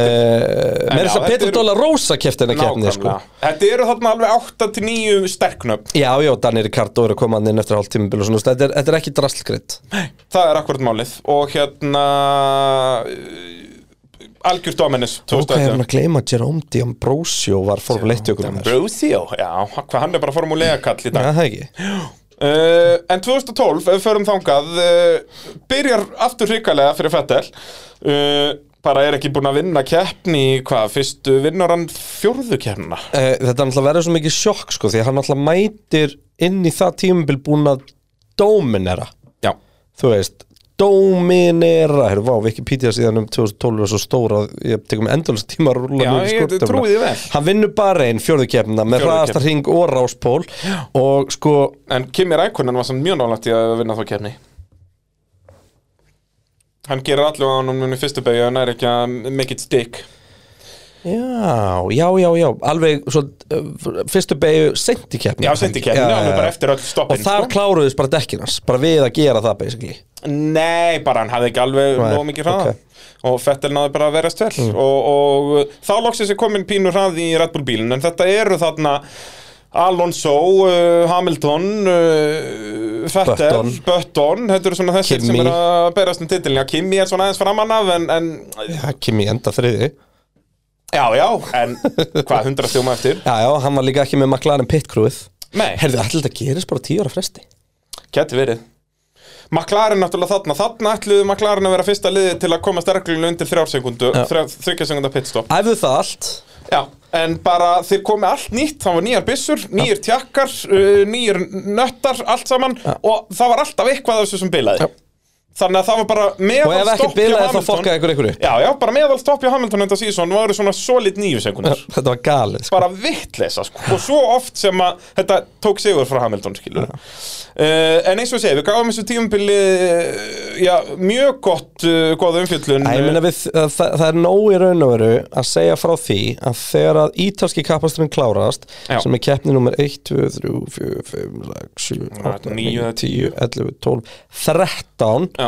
af átján, Nei, það er þetta 20 þannig 20 þannig 13 af 20, þá er Fettel með 1 sigur og þrjá aðra velunapalla og ef þú ítir á Monsa bara fánan sem er þarna efist og skrollar neðst að þeirri síðu þá getur þú séð hvað hann var langt á eftir heimsættur á mótinu Ú, eða? já, Ok, maður sjá hvað er hann langt, hann er ábyggla 50 plústegum að eftir sko Hann er með Hann er með 140 stig já, gegn Alonso 179 já, hann er 49 stig já, Þrjá- 50 stig. 39 stig. 30, já, 40 stig Eh, En Red Bull samt að leiða heimsmyndstarmat Já, út af Webber er góður ökumæður eins og ég hef alltaf sagt og hérna, en síðan kemur uh, brasilíski kappaksturinn og þar uh, á Alonso að vera bara með þetta en það verður uh, major drama uh, Nei, þú er náttúrulega glemdir að segja sko frá Asjurútur Við þurfum að minnast á það í fellhóttinu Já, já, auðvitað Það já. kemur sem sagt Asjurútur hérna eftir Ítalíu Já. Og þá allt í einu myndi Sebastian Vettel hvar, hvað hann var að gera á síðast tímubili Já. Og bara Singapur, sigur Japan, sigur Kórea, sigur Indland, sigur Fjórir í röð Það var engin á þessu tímabili Einu sinni búin að vinna tvær keppnir í röð fyrir þetta Jep. Já, og bara liggum við ekki búin að vinna tvær keppnir Það voru alltaf, þú veist, Já, það eru sjö fyrir utan það. mismunandi sigurverður fyrstu sjö keppnunum, sko og geðveikt. Þetta er bara þvæla, sko Já. Pældi því, þú veist, í, á, í ár erum við búin að fá sjö mismunandi fo- menn á velunapall Já, þannig að fengum við sjö mismunandi sjö sigur mismunandi sigurvera í fyrstu sjö keppnum ekki vera allt gjörsamlega tímabilið sko. galið, sko. þetta er svo störla tímabil að halva vera hellingur og náttúrulega geggjaður triple ti- title decider í endan sko. Uh, sem endar þannig að já, Fettel snýst í fyrstu beig og það bombaði inn í hliðina á honum, bílinn handónýtur og allt í steg uh, en það glimtist að segja Fettel frá því þannig að hann bara heldur áfram að keira og vinnur sig upp í sæti sem að döði til heimsvistara titils, Sjötta sætið Já. sjötta sætið uh, Brasilia 2012 já, er, það er eina af þessum keppnum sem eru bara það greatest of all gæti time. verið besta keppni ever sko Mörg Eh, stopp, rigning, þurrt, rigning, þurrt Já, þetta er ekki eins og til dæmis Hamilton ma- hérna, massa glokk atriðið, Nei. þar sem það kemur bara downpour í endan og þá er öllu fokkaði Þarna er, við erum ekkert að grjóðast með það Fettil var búin að tapa heimsvöldatitlum á fyrsta ring Já. Þú veist, bara 100% Bíllinn, þú veist, yfirbyggingu var búin að ripna af Já. hliðinu, þú sást bara eitthvað bygglað pústaðna og Já. eitthvað bara, og hann fer ekstra upp að pitt vegna svo það getur tekið myndir Já. af þessu, Svo Adrian Newey getur farið að skoðað skoða hvort það sé í lagi. og eitthvað svona, eða, þú veist, já ok, ef þú finnur ekki fyrir, þú veist, loss of power út á bygglaða pústunni, þá er þetta ábygglega bara fínt, sko, þú veist Það bjóst engi við að myndi klára þessa keppni Nei, og síðan ofan að það, þú veist, ok, hann næra að vinna sig upp og svo þegar hann kom inn í sæti sem hann þarf að vera, þá byrjar að rigna Já, og, hann þá, og kemur þá inn- fara á vittlust dekk Já, þetta- hann var ekki með radio, hann gæti ekki tala við liðið Þannig að, nei, það var ekki þannig að hann fara vitlu stakk, hann kemur bara inn og það er enginn alveg rétt, Hann býður bara í tíu sekundur bara á, á meðan að fólk er að koma út úr skúrnum bara, hvað, já, og svo hörðu, hann er hjálpar mættur. ekki sko að pittvegurinn í Brasilíu er þannig að þú, náttúrulega- hann- þú kerir upp brekku til að fara upp í Já, já, pittin þú sérð ekki. þannig að liði sér ekkert þegar horfið niður pittin sko, gjössamlega insane keppni, ég mæl ég bara 100% ef ekki hort á Brasilíu 2012 þið verða að checka sko. bara tjekka á Highlands á YouTube, þetta er styrla sko. uh, og hann næra að vinna titilin þarna og okkur ótrúlegan hátt því að þú veist, Alonso aftur átti þetta svo mikið skilið Alonso 2010 sko. og Alonso, þú veist, við tölum svo oft um þetta hvað þessi Ferrari var Já, ógeðslega ég minn lélegur. Alonso 2012 er eitthvað besta Það er bara beitt bestu ökum með allra tíma Það Allra er tíma bara málið sko það er bara, það er ekkert flóknar uh, Eitt svona útudur sem ég langar að fara í áðurum förum í 2013 uh, tímbilið er þú veist, út af þetta það sem við erum að tala um núna er nýtt fyrir hans í mörgum því að er þetta ekki árin sem að Formule 1 á Íslandi er í mestu lægðinni Nei, ég myndi segja að það hefur verið í framhaldi af þessu Er það, ég svo veist, í Já. byrjunin á Mercedes-dómi Já, Er það svo leiðis? já En það er alveg að byrja þarna sko Hver, þú byrjar að lýsa 2014-15 Já, það er unur eða samnefnarinn fyrir fallformúlunar á Íslandi Já, það Fall and Rise sjáum til. Var það ekki 2001, voru ekki búin að komast að því Jú, í Spa 2000, eða Spa- hvort ég, var, já. hvort ég var með á Spa 2013 Já, varst ekki búin, varst búin að taka einhverjar svona einu og einu keppni eða það ekki áður en þú farið full-time job En það er sess að það, þetta er þegar að Gulli Rökkvalds er að hætta og Rúnar byrja þá að vera aðal og þú ert með Rúnari Nei, Er er eitthvað búin fyrir- að vera í millitíðin? Er Rúnar búin að vera aðal fyrir já, þetta? og Halldóra Mattiasdóttir var með hann Alveg rétt, hún er þarna á milli. 2012 Ég er og unur ekki 13 minn í staðin fyrir hana sko Alveg rétt, alveg rétt um, Ég bara, veistu, ég er svo lélur í svona ártölum sko Ég Já, vorum að hérna tala um þetta, er, er ekki fyrsta keppniðin í Japan sem hann, uh, Jules Bianchi deyr? í? Nei, það getur eiginlega ekki verið Var það fyrr, en þú veist, það er það var 2014 2014 sko. því að ég held að ég hafi líst einum fettil heimsmyndstara sko. ég hlýta að byrja 2013 Það var að byrja þarna mitt tímbil 2013 ég hafi fletsu upp sko. ég hlýta að finna eitthvað heyra um að- bara, ég veit að ég ekki hef bara verið að hjöppi byrja þetta eitthvað. betur en þú Jó, getur verið getur verið, ég held að myndi að hann hafi hætt þarna stuttu eftir að ég byrjaði þannig að að öllum líkindum það þá er er hann þegar með þú þau ártölu þurfa á að hreinu. bera, bera saman bækur það er ykkar svona þarna. bækur, já það er svolítið svoleiðis, þannig er náttúrulega já, það, þú ert alltaf með sömu yfirmennina bara í mismunandi fyrirtækjum eldi bara Það, þetta eldir bara, það er svo leiðis En hérna Já, þetta er Já, þessi ár og, og, og Mercedes árin Svo ég hann bara ríf, fer þetta að rifna aftur upp með Drættus og VF Já. Uh, það er svona svo leiðis bara áhugaveru punktur með, með það þetta er eitthvað sem mér langar að gera bara stuttan heimildaþáttum bara formuleitt á Íslandi bara fyrsta útsendingin hann að rúf þú veist 96 eða 7 eða hvernig sem það var það var náttúrulega ógeðslega gaman líka að finna Springur strax upptöku út, af sko. því ég á eitthvað af þessu á Vaffa var, nei, fyrsta var Monaco, við erum búin að komast að því Monaco 96 eða 7 ég man og, þú ekki veist, hvort. og að- til dæmis að, að með íslenski lýsingu horfa á sko startið á bara fyrsta spa, sko, start í nei líka bara á spa hann að þeir allt fór í bullið já nákvæmlega grafa það, í- það, maður finnur það alveg í rúf bara í kjallaranum á rúf er það ekki? bara í gullkistinni sko þá hættir að þá finna ætti að finna líka allar formið þrjú kefna mína svona sindur minni Já, með Guðna Þorbjós og, Og Valla. og Valla. Já. Það er, þetta er eitthvað verkefni fyrir brannan mm. en það ekki já, bara mappa, út að þetta springur svo svaka lúta á Íslandi sko. Já. Þú veist, þetta er hann 97 og svo strax bara 98, 99 er þetta orðið vinstallega en ég, fótbolti, sko. þú veist, ég man eftir einhverju sögu þar sem að sko einhver múrara vinur einhvers var að vinna í húsinu og hinum og múraði annarkvæmt maklarinn eða ferrari merki í bara, Bara á vegginn, vekkinn, bara, bara, á já. leiðinni bara við eh, útirahurina Já. Já, og þú veist, það var allt, öll þessi ára eru Og bara þú veist, og það var fullar hjá Ferrari flugvélar manni, hjá held ég, Íslandi. sko. Já, bara svona hérna að vera með dólk Já, já, þú veist, þarna er ennþá sígarettusponsi stert þannig að Ísam og öll þessi fyrirtæki sem voru í innflutning á Já. Malboro og hvernig voru að vinna stert Voru starfi að- halin. Nei, voru bara, nei, voru eiginlega að flytja fólk út á fulli því þau náttúrulega voru með uh, patöklöp út um allt Já, já, sko. og hann, Þannig að- þú veist, hérna Siggi Bragi í rallinu fór oft út með Shell bara Já, það var einmitt. sponsorar að Shell í rallinu, skilur Já. bara eitthvað, þú veist, og var bara eitthvað að tala um einhvern sjúmakir eins og maður gerir eins og maður gerir, sko og hérna, og þetta var og eins og bara Silveston var alltaf bara pökkuð flugvél af Íslendingum, bara Já. fóru bara 70 Íslendingar út Ég, að þú, keppa. ef þú horfður á Silvstof, bara endalist af líka bara íslensku, fánum, já, í já, það var hérna í sjúmakir heimildamindinni sest bara eitt Já. skot bara af íslensku fána Einmitt. Þannig að hérna, það er þetta sprakk smakal út, Já. eins og ég segi það var gaman að bara dokumenta þetta var, að, sögu, sko. þetta var að dala hann á það náttúrulega hjálpaði ekkert hvað Fettel pakkaði sem svo 2011 sko. Já, og svo aftur 2013 Já. Og svo náttúrulega eftir það Þá svona, heyr, já, loksins uh, er hann ekki góður Og þá bara komið messið þessu Bara eyðileggja þetta Þú veist, út að þá er ár eftir ár eftir ár Þú veist, Dominansi 2016 er ennþá agalegt sko. Og það er þriðja árið Já, þeirra, og það var samt skemmtild ár út af því að þeir voru að berjast Já, það, já. Var bara ekki, það var bara þreytt út af því að sko Já, sko. Þetta voru bara tveir bílar að það var þú bara einn hluti sem er gægt gest sko. veist. Já, Og það er nefnilega, það er sko Just ég hef heilt bæði þig og Rúnar tala um þetta sko, þetta var orðið bara strempið sko.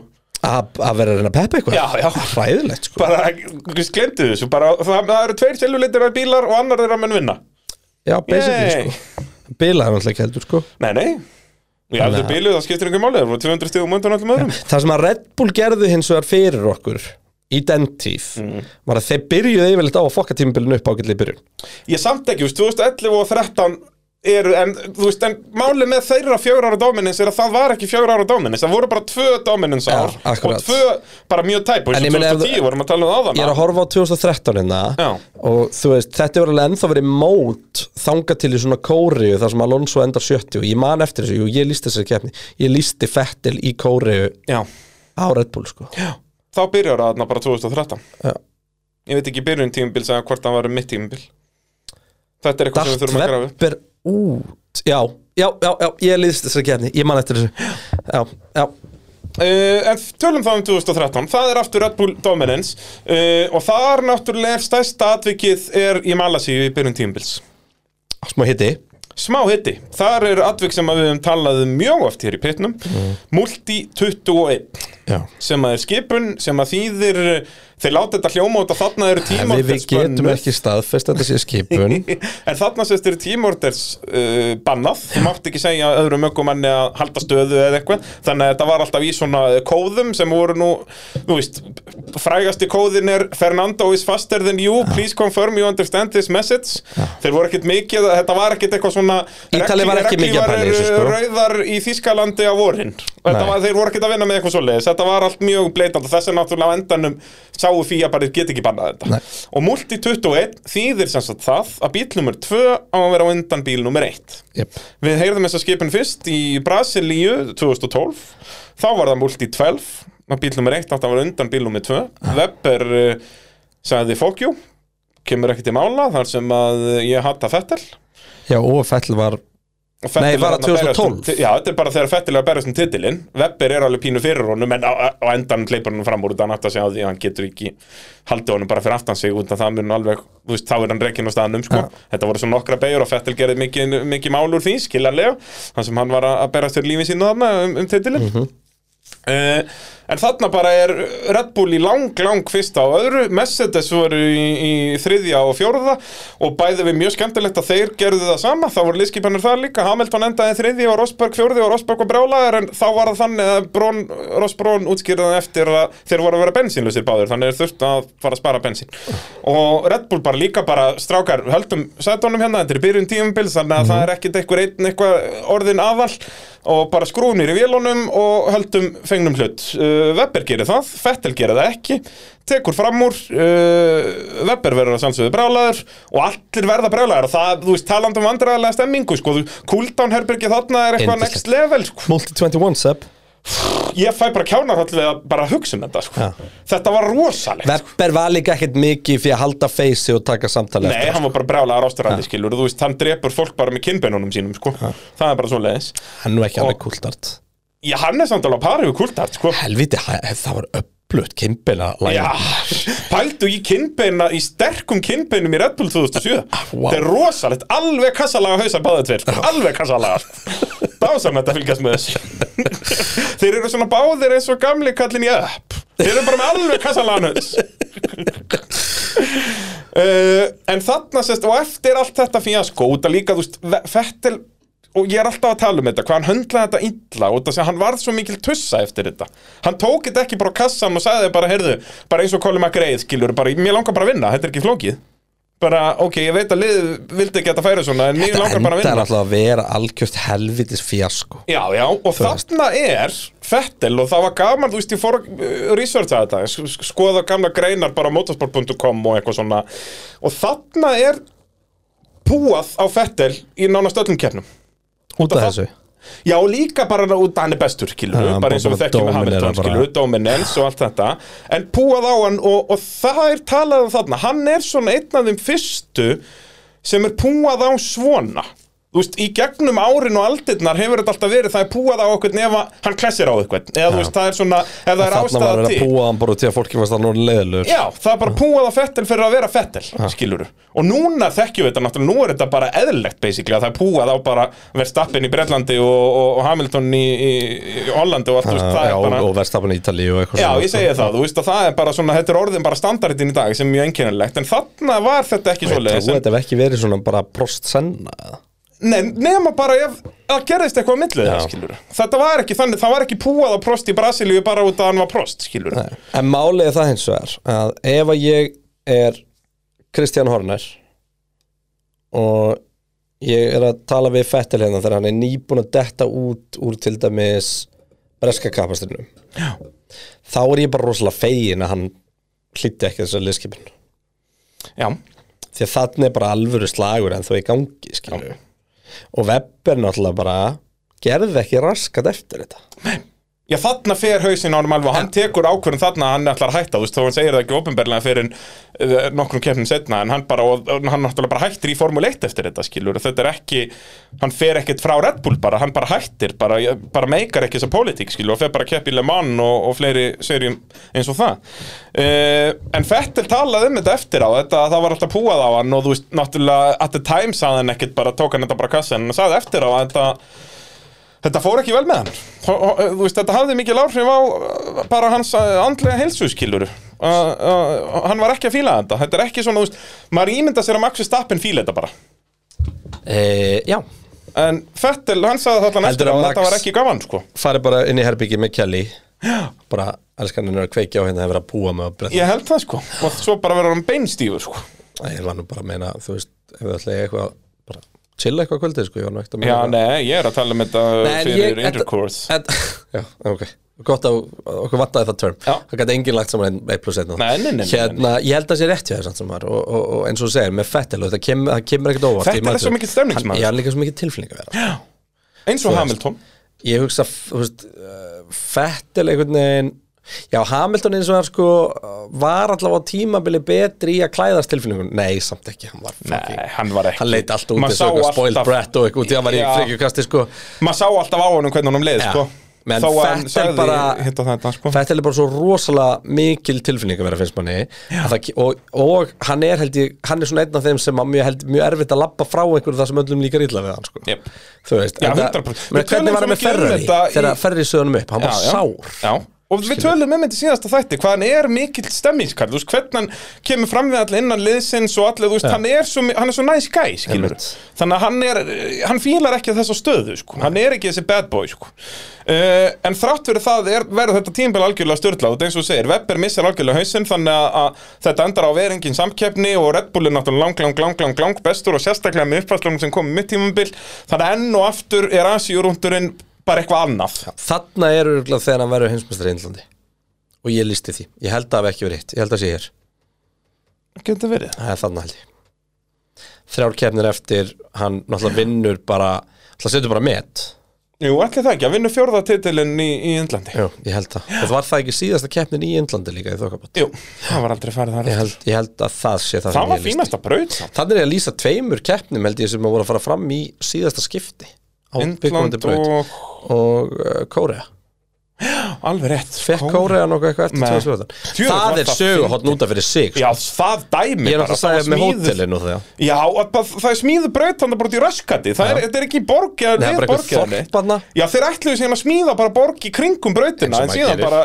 varð aldrei hitt úr því Og núna er bara kappasusbraut sem er bara lengst út í raskati Já, þetta Það er er alveg galið sturlað dæmi, sko. En Ég held, ég er ekki alveg 100% en Ég held að þarna haf ég verið að lýsa sem sagt, síðustu tveimur keppnum sem fóru fram á þessum brautum og jafnvel hvenær hætti maður sér Það er setna, það er alveg 17 16, þú veist Hamilton tapar titlinum þar 16, skilur Man sér, kíka 2014 Þannig að eh, Þar er ekki Indland Nei. Þar er ekki Kórea Nei, það var aldrei turba hybrid Nei. keppnir þar sko. Og inn kemur í staðin Rústland og eitthvað meira, Östuríki, getur það verið það getur verið Var nokkuð Red Bull nokt maður búið að vinna á Red Bull ring fyrir að Max Verstappen gera það?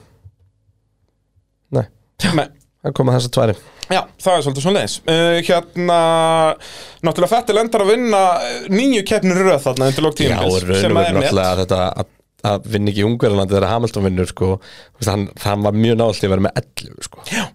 bara þetta og var bara jafnvel stund meira að segja sko, þú veist, í Kanada byrjar þetta hann alltaf dettur út í Breitlandi þar lendir Webber í öðru sæti og Nico Rosberg vinnur og þú veist, þannig að þetta er alveg bara þetta er insane sko Já, og eins og segja, þetta met, það hefur einhvern tekist að vinna nýju kemnir röð þó að eh, Max Verstappen eh, geti farið allavega að jafna þetta met ef ekki s- slegið það Já, Í- maður þarf ekki að klikka núna, Þú veist, Alberto Ascari gerir þetta tæknilega en, eh, tvö sísón Já, yfir tvö sísón og þá er Indianapolis inn í þessu og hann vinnur náttúrulega ekki Indianapolis þó hann kefti á Indianapolis það árið en uh, hann, Ascari var eini formule 1 tungumæðurinn sem fór og kefti í Indianapolis til þess bara að fá stig út úr því en fyrir vikið þurfti hann að sleppa keppni í Evrópu þannig að þetta meikaði engan sens þetta var svo mikið þvæla hann í gamla dag uh, og þarna er náttúrulega fettur hann fjórfaldur meistari 2013, aðeins Sjúmakker sem hefur náða að vinna titilin oftar í röð, Sjúmakker náða náttúrulega fimm titlun og eh, þetta eru jafnmerki titlar og prost eh, og það eru bara Fantsi og Sjúmakker sem eru með fleiri en það er náttúrulega Hamilton er komin upp fyrir hann eh, í dag en þarna 2013 og þá var hann bara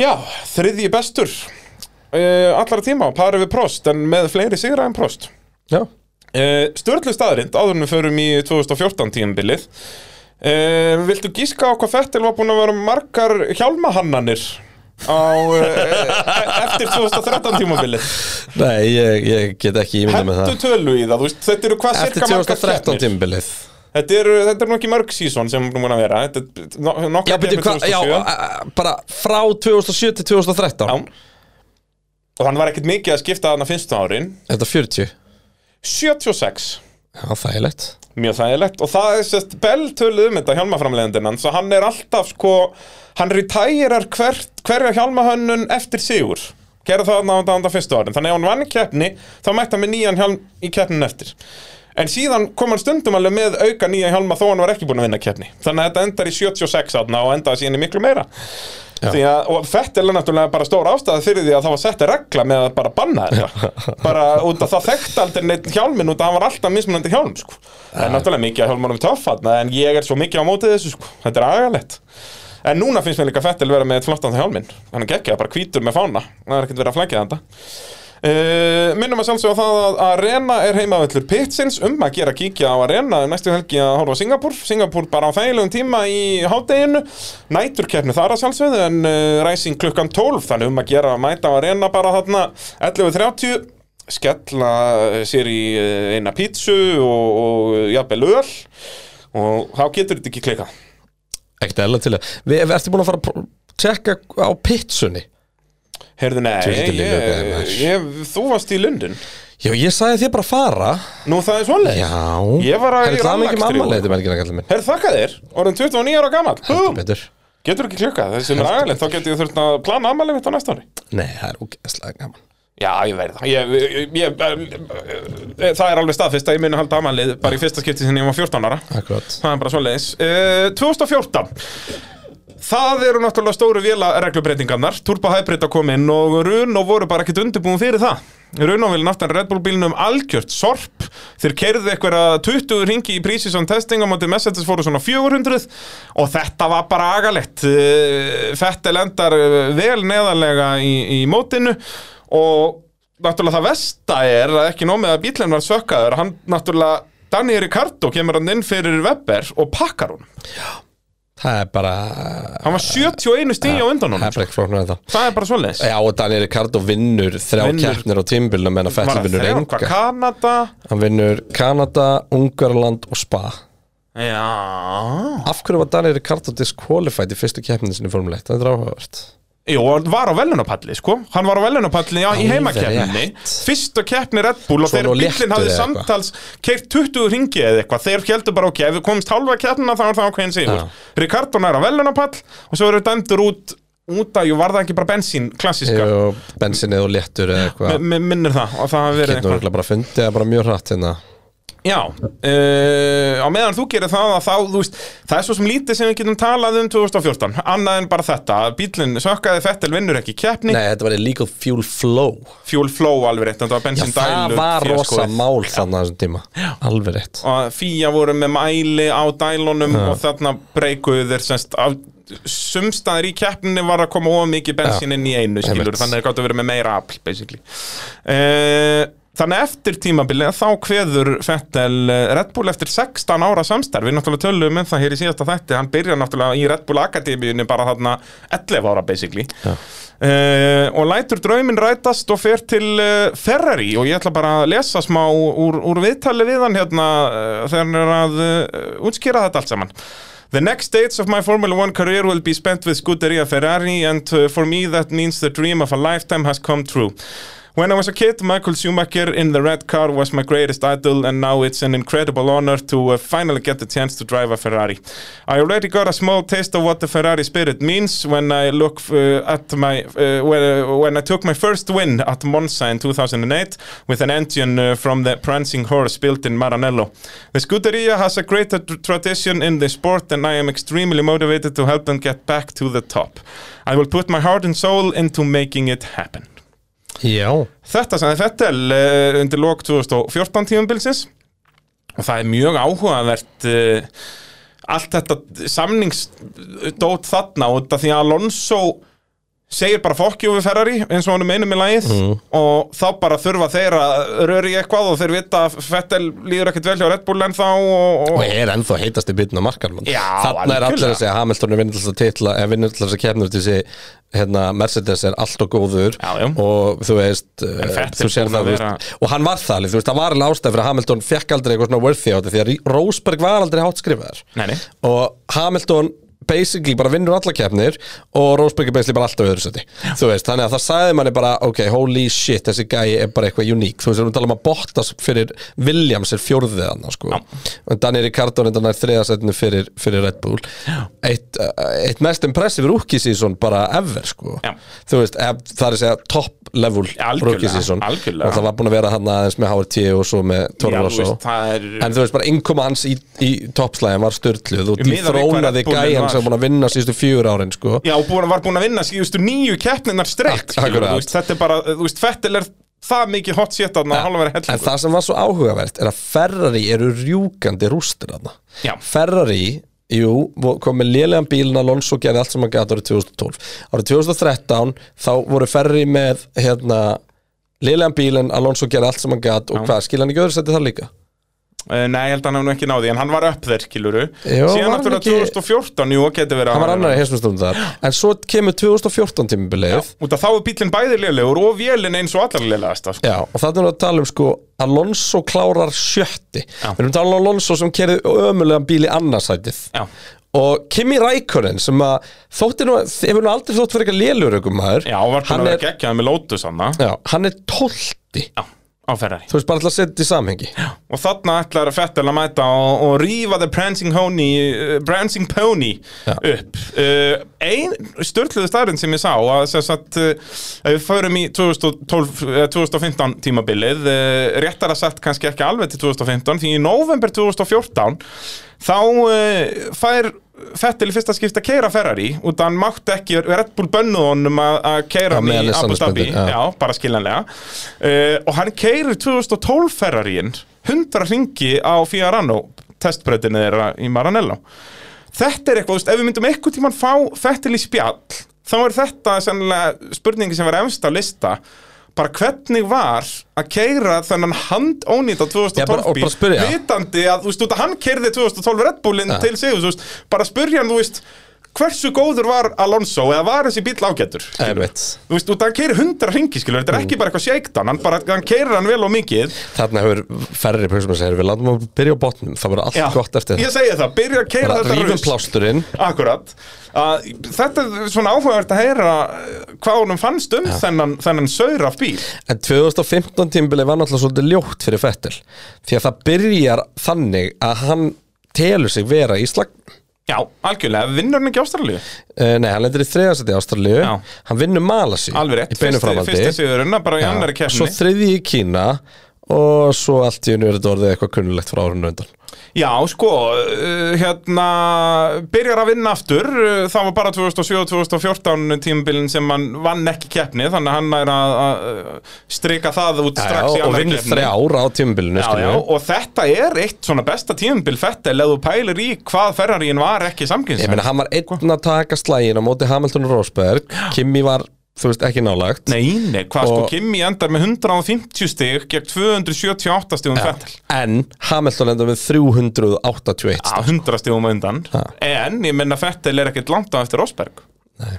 Þannig að eins og ég segi, að mínum að þetta er þetta eitt, eitt, eh, eitt af sterkustu tílum, tímabilum Fettel Það er bara svona leis 2016, eh, svolítið svipu sagði á 2015 nema nú voru Red Bull orðnir betur, þú veist, Red Bull voru ennþá saurir 2015, nú var bílina þeim orðin sterkari eh, þannig að Fettel endar fjórði á eftir bensaukumununum og Ricardo eh, en sigurlegs tímabil aftur þarna þannig að þarna eru komin þrjú sigurlegs tímabil á, á ferlinum Uh, og síðan byrja að fer nú að rifja upp uh, gamla tussustæla uh, eins og okkar uh, eins og okkar mann erum Djöfull með átti lagi hann það skilið maður það er uh, í Mexiko 2016 Nei, byrðu Mexiko já, Já, þegar ég, hann, hann... sorry, já, ég er að hugsa um árið setna í Baku En já, var það 2018? það var 2018 held ég Nei, það var 2000 Jú, það var 2018 Nei, þetta var þegar hann bara sagði Charlie Whiting, uh, svona keppnistóra formúlunar og bara einum virtasta manni bara gamall hvítara maður, sagði honum í talstöðinni að fokka sér uh, sem ég tel ákveðna þessu stæla, við erum svo alveg eins og er en, uh, Ok, mann eftir þessu jöp, þetta, enda þetta var fáralegt þetta er í Mexiko, þú veist fyrsta beigjan er svona hlikkur Já. og Max Verstappen tók bara svona eins og maður gerir stundum í góðu gríni í formúluleiknum bara að fara að bera bindi við grasið Já. Þú veist, Verstappen er á undan Fettil er augljóslega að fara að taka fram úr er miklu hraðari Verstappen bremsar allt og seint og fer bara við grasið og græðir augljóslega á því Kleipir honum ekki fram úr og þá er Ricardo komin fyrir aftan Fettil og Ricardo tekur fram úr Fettil Já. og hann verður náttúrulega stöppugeðugur eins og honum einum í lagi og Hann er svo mikið tilflík að vera sko. Ég veit að þetta er alveg stórmagna Já. sko. og segir Charlie Whiting að fokka sér Já, út af því að þið dæmdi ekki Nei, nei Og þetta endar á að segja bara Ferrari voru næstu búin að rífa útvarpið bara úr sambandi hjá honum sko, bara þannig að þau myndi ekki fá fleiri sektir sko.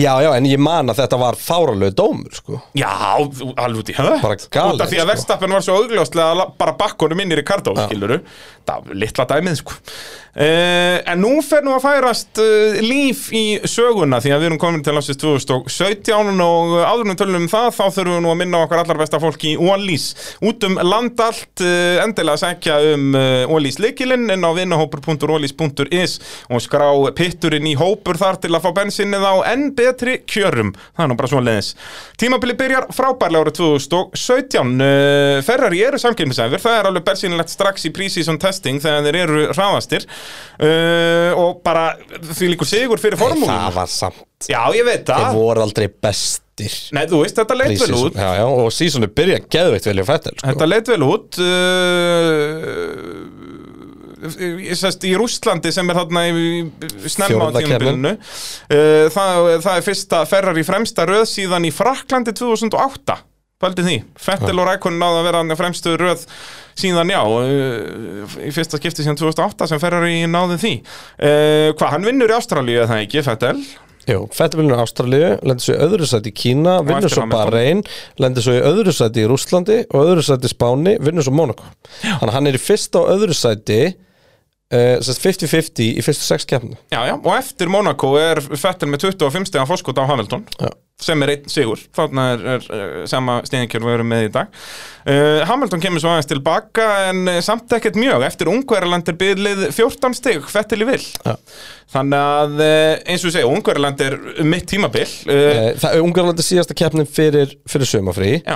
En þá gerðist þetta sem að Lewis nokkur Hamilton er orðinn frægur fyrir Já, sko, fyrir Singapúr sem er 14. keppnin af 20 er Hamilton eh, kominn þremur stegum á undan uh, og sérst er þá að leiða mótið í fyrsta skiptið út að Fettel vinnur fyrstu keppnin og er al- búinn að leiða mótið allt tímabilið uh, en já, Hamilton þremur stegum á undan en Singapúr hefur alltaf verið bókibraut fyrir Mercedes og það var alveg greinilegt þarna líka ég held að Hamilton ræsir hvað, 50 já, Fettil er að ráspól Hamilton ræsir 50 Ó, Jesús, já. og þetta lítur bara mjög vel út Kimi er þarna þriðji held ég eða annar og þetta ætti að vera bara auðvelt ferrar í fyrst og annarsættið og, og Hamilton þá kannski þriðji að fer eftir racebasinu í Red Bullnum en þú veist, það er vonlust að taka fram úr í Singapur þannig að þarna átti Fettil að ná uh, aftur ágætis fóskvöti allan að reyna að ná, þú veist, 13, 14, 15 stegum á Hamilton en hvað gerist uh, onni í fyrstu beigju í Singapur?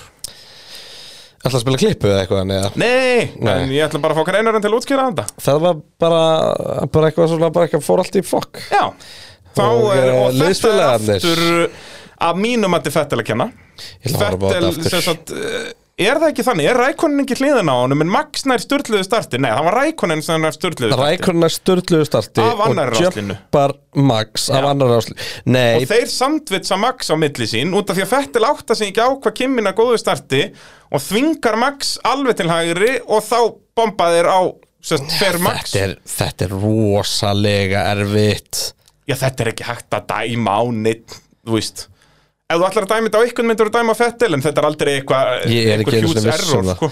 Býttu, var rigning? Já, Ú, ég, Það var mér, alveg fa- ég væta á myndi ekki brautinni. eftir að við fengi vætukeppni jú, jú, í jú, jú, Singapur jú. Sko ég er að horfa á Maxina Svo var enn meiri Fettel væta kemur þegar yfir Fettel fór að- að að dreifa frostlið út um alla braut Þetta er basically bara þeir Fettel hefði alveg mátt gefa Max aðeins meira pláss, Já, sko. og En samt Rækun ekki, hefði þú veist. líka Þetta eru bara þeir tveir báðir að vera Nei, bara rækurinn nær of góðu Alveg. starti Það er bara, uh, Fettel og Max ger ekki ráð fyrir svona góðu starti hjá Kimi, skilur Það er það sem triggerir þetta Og þá endar þetta þannig að Kimi bombar í Max sem að Og, og, og Já, hann- nei, framleitin á, hann sem á sagt- Kimi fer inn í hliðin á Fettel Já, sem sagt, Kimi er eiginlega komin framfyrir Þannig að Max klippir raunuru hægra afturlu hjá Kimi Kimi er þá sko í raunuru Mhm. Snýst. orðin bara við hliðina á Fettel Já. Og snýst bara inn í hliðina á honum Já, og, en, en það er sérst, kemur þá bara tjón á hliðina hjá Fettel uh, síðan bara út úr annari beigjunni þá spólar hann og snýst 180 gráður og bombar framgangnum af og þá var það sérst þannig að það fer í, í sundur kælislákar Kælivökkur, já. þannig að hann er að spjúa sérst, uh, Á afturhjólið sín. á afturhjóli sín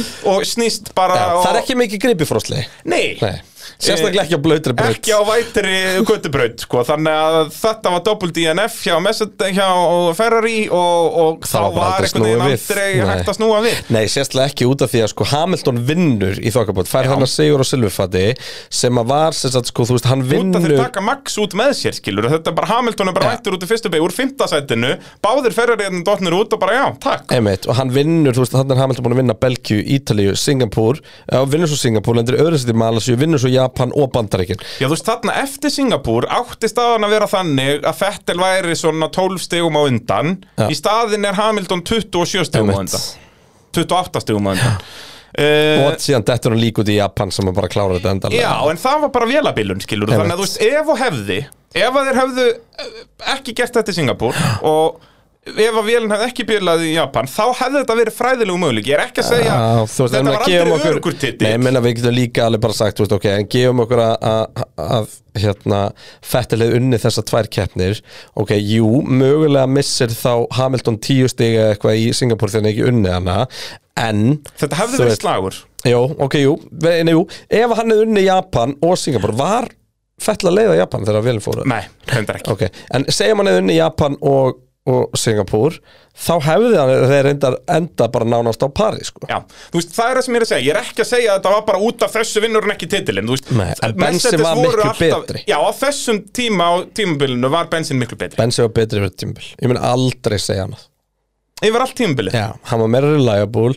Það var auðveldara operating window á Og var honum. Hamilton þá bara svona lélegur aukumæður Nei, Fettel var bara svakalega góð Þetta er síðasta árið sem við sjáum svakalega góðan Fettel Nei, 2018 er hann aftur gengjaður Er það? Tölum um 2018 þú veist, en ég er að segja þarna var Ferrarin bara, þú veist, ég held að, ég held að það sem að segja söguna best er að aukumæður nummer 2 hjá Mercedes enda með 305 stig Hún Kimi Um með 205, Já, það held ég að segja alla söguna Já. og Kimi var ekki, þú veist hann var ekkert lélugur nei, ég er bara að segja, Fettel náði ótrúlega miklu, Fettel átt að vera hinsmjöstar 2017, að mínum mati þú veist, Fettel 2017 eða Alonso 2012 pínu, ekki alveg á sama stað og til að bílinn var ekki dog shit en þú hefði aldrei getið verið með dog shit bíl að keppa við eh, Benz, Mercedes, nei, skilur það er þú málið. veist, þannig að hérna, þú veist, ástæðan fyrir Alonso Gata var að voru sjö mismunandi sigur í fyrstu sjökeppnum, skilur en hérna, þannig að, þú veist, ég hugsa ég hugsa um að tala í fettilega fyrir utan, þú veist, 13. 2013 þá væri 2017 jafnvel best tímbilega, sko Já.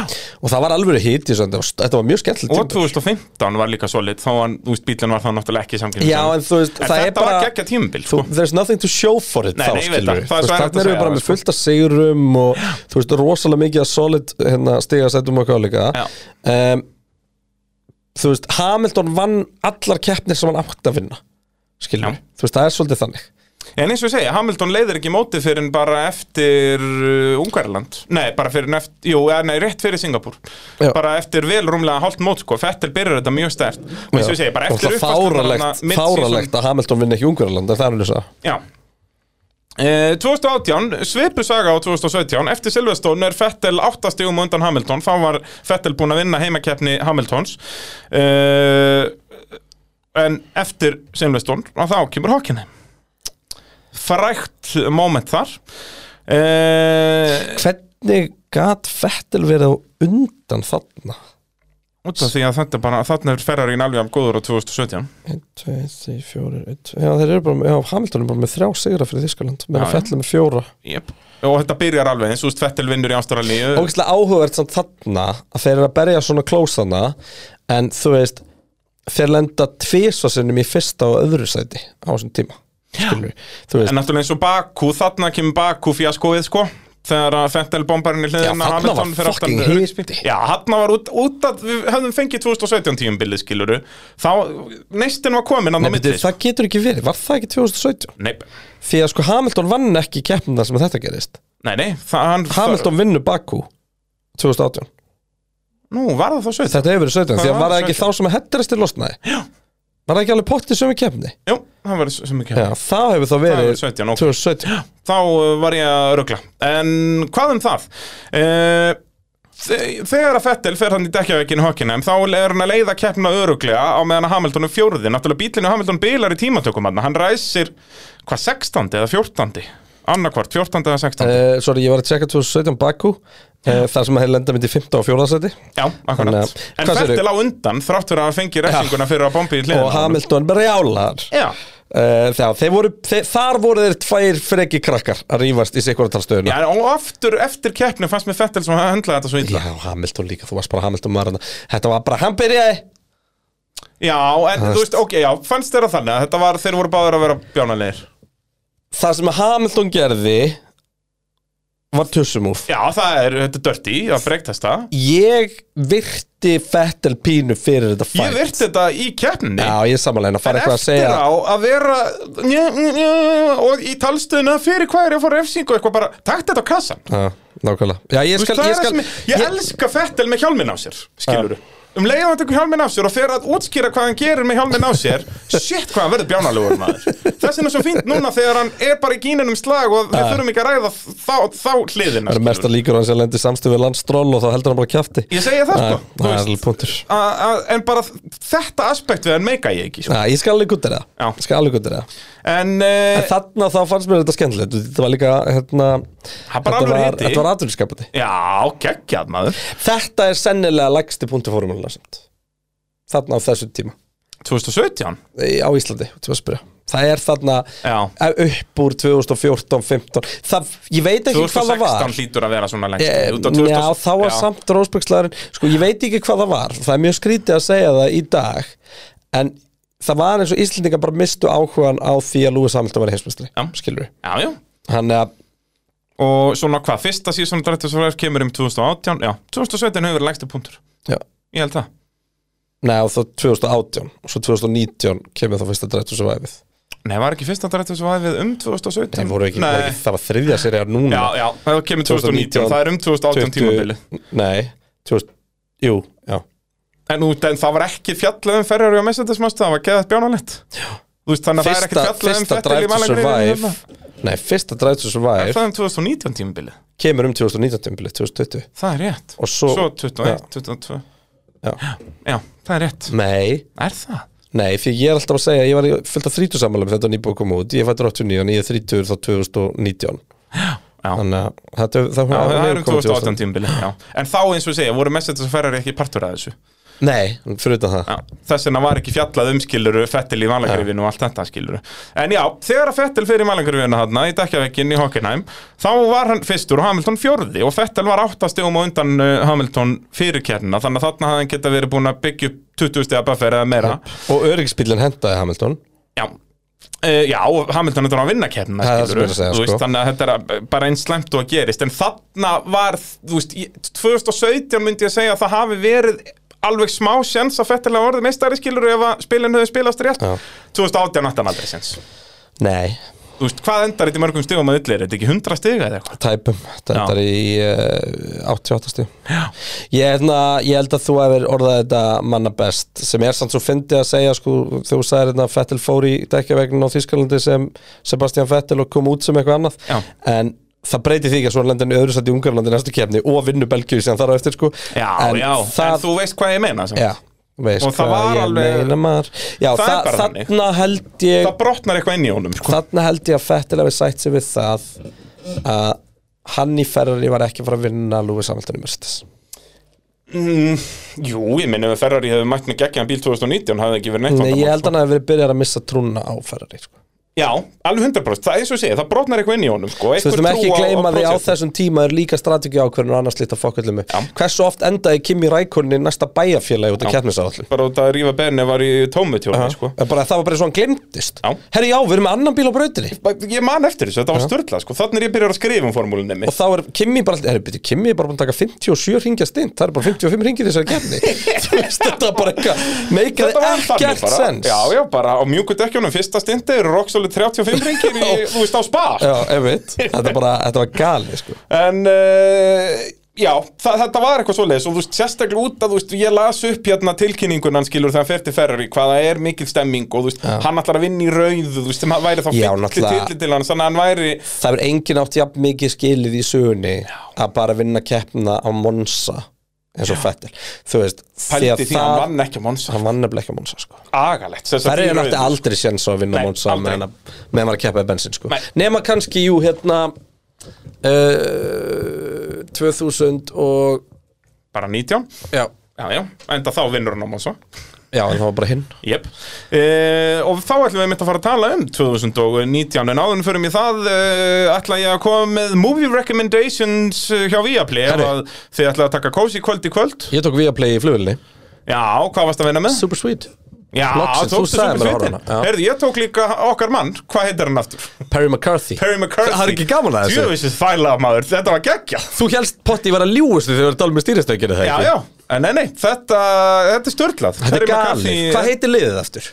Manna ekki Það var eitthvað þvæla og það er þeir enda að vera bara dæmdur úr formúlinni bara fyrir Þeir að voru vera að fá bara þetta. bannaðir Já, já, bara eftir þetta Bernie stýristangardæmi. Ecclestone bara, heyrðu, þið eru ekki, megið ekki vera með í þessum Og sirkus. kæri mig ekki um uh, döðsfall, Já. takk Það Eh, er En galið ég mæli með ef þið ætla að taka movie kvöld í kvöld að skella ykkur á Arrival Dásamli mynd Já, Uh, Hún er skemmtileg, ég já, sé hana. Þetta er ekki, þú veist, ég veit að premissið er að það eru geimverur að lenda á jarðinni Nei, þetta er nefnilega ekki En þannig. Þetta er ekki Nei. þannig þetta, þetta er mynd sem fjallar um tungumál já bara og, svoleiðis. og þú veist, þetta er Þetta meira er bara ekki- ekki drama, sci-fi sko. heldur Þetta er drama Þetta er bara drama, sko akkurat. Þetta er a- frekar en eitthvað sci-fi, sko Já, já og, og ekki eitthvað svona Genveru shooter, splatter Nei, nei, eitthvað, þetta er sko. ekki þannig, það er Nei. ekki einhverja grænar verur hérna, Þetta sko, er eitthvað- líkuð meiri romantík heldur en eitthvað annars Já, já, þetta er bara geggjuð bíómynd En- og Jóhann Jóhannsson endilega- að gera gott mót í í Já. tónlistinu hann, sko Endilega hita upp með uh, Perry McCarthy Já. Reyndar, Því hún er bara 20 myndir Já, þetta er bara þáttur, bara, já, sko já, bara geggjað þáttur já, Og ég tók nú Goodwill Hunting í gær Dásamlega, alltaf gott að taka hana reglulega, sko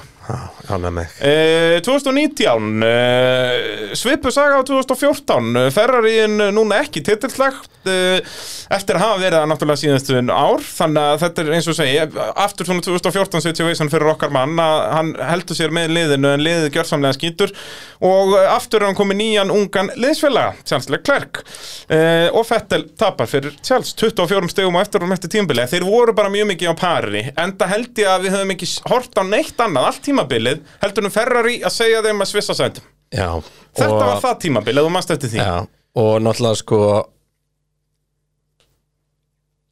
Leclerc á náttúrulega pín að stinga fettir af þannig hann vinnur náttúrulega um Belgju eftir eh, svakalega eh, helgi Náttúrulega var, hann átti náttúrulega eh, Leclerc átti náttúrulega að vinna í bara ekki Bahrein Nei, hvar átt hann að vinna sem bíllinn Var það ekki Bahrein? Það sem hann er að leiða Leclerc, alla jú. keppna af ráspól Jú. og svo bila bíllinn Já. eitthvað fór, fór vélinn, bara hann endar bara hérna, sk- skröltandi í marka endar fjóruði eða Hann eitthvað. er klárlega þriði, sko, náði velunapalli Já, náður Já, og velunapallar ég man, þú veist, að hæpið var störtla Já, sko. þetta var fyrsti velunapallurinn hans, það var svo Já. fyndið allir, já, en hann er náttúrulega geðveikur sko Já. Uh, skiljalega, var með sigur í höndunum þannig En- að þetta, já. þetta lofaði, þú veist, bílinn var ekki træðilegur sko, Já, já. En, en þú veist, en svo þetta er alveg að vinna nýja öllum keppnum eftir það þú Já, veist, já. ef að, ef að þegar klærkna öðrum pallin sem í Kanada þá er Fettil Já, annar þetta er þú ekki, veist. þetta er hrinur ekki þannig, Nei. þetta er ekki eins og Ricardo tíma Það er eiginlega Þeir eru ekki bara fyrr svolítið á en- pari bara að þú veist, stóri punkturinn er náttúrulega bara þegar Fettil missir hausin og allt sko á Ítalju Já. það sem er Er það klærk ekki þarna sem hann fer út og bakkar inn í stról Já. það er bara heimskulega sem ég sé Þa, Já, það er já. heimskulegasta moment á Ferli Fettil Já. hann bakkar inn í Ascari á fyrsta ring Já. inn í hópin og rosalega hissa stról komum bombi uh, á sig Já, þetta var, var þetta ekki á þriðja ringi eða eitthvað, Var þetta var það? ekki á fyrsta En það, þetta, þú veist, hópurinn var þéttur, skilju, þetta var ekki á 20. En þarna var, þú veist, ungi litligæðum nýbúin að vinna spa Jep. af ráspól, tekur svo pól á Monsa Já. og náttúrulega endar á að vinna Á meðan að Fettil að meina Fettel er bara að fíflast. skrölda einhvers staðar, bara, já, og það var eitthvað meiri í þessari keppni, sko. Já, þetta var alveg, já, bombarni gá eitthvað í sekunds í kyninu Ég, þetta var eitthvað agalegt, sko, var ég man eitthvað bara, þú veist, að það var eitthvað fleira og maður bara, hvað er Fettel að gera? Þarna var bara og hausinn berjast alveg bara þar. ekki um stigasæti, sko, nei, nei, hausinn fó bara og hérna, og svo náttúrulega kemur þessi fræga Singapur keppni, sko, Já, Sem að býttu, þá Leclerc vinnur- átti að vinna. Já, en Fettil vinnur og til að Fettel tók Þið ætlaði að þér að segja það? Tók hvað? það var tussumúf Nú, byrju, hvernig var það? Ég er bara að glemma var, þessu þetta var eitthvað strategy Já, eitthvað sem, eitthvað sem að, að hann segja bara nei við nei og allt í henni Fettel bara komið fram úr já. og þú veist, Leclerc var búin að leiða þess að keppni þetta var eina af þessu keppni svona sem að Kevin Magnús sem átti brautametu Já, já, átti hraðast að já, ringa hann kláraði 17. með hraðastaring Það er bara svo leiðis þú veist, að, hérna, og hann kláraði 17. on merit sko, þú veist, Grósjan kláraði 16. eða eitthvað Já, já, bara þvæla og hérna um, en já, ég, ég man ekki nákvæmlega söguna ég man að Leclerc var brjála sko. á þennan hátt sem að hann er því að hann náttúrulega, hann, það vita allir hvað hann er að hugsa en hann segir það ekki sko. Nei, nei, hann er bara inn í sér, sko uh, En eins og ég segi, ekki hrikalegt sísón fyrir Fettel en þarna undir lokin uh, var hausinn svolítið að fara Er þetta ekki, þetta er hans síðasti sigur í Formule 1 Jú. og svo náttúrulega lendaði saman í Brasilíu Í Brasilíu, þá kemur dásamlegt Execute Order 66 sem er að sjálfsögðu order frá Ferrari að klessa á hvern annan á 60.7. ring já, uh, sem var bara svona carbon copy af Tyrklandi 2010, basically það var ekkert eðlilega heimskulegt og þá er þetta svolítið búið sko. en Fettel náttúrulega heldur sem dagfram 2020 en uh, áðurinn tölum um það að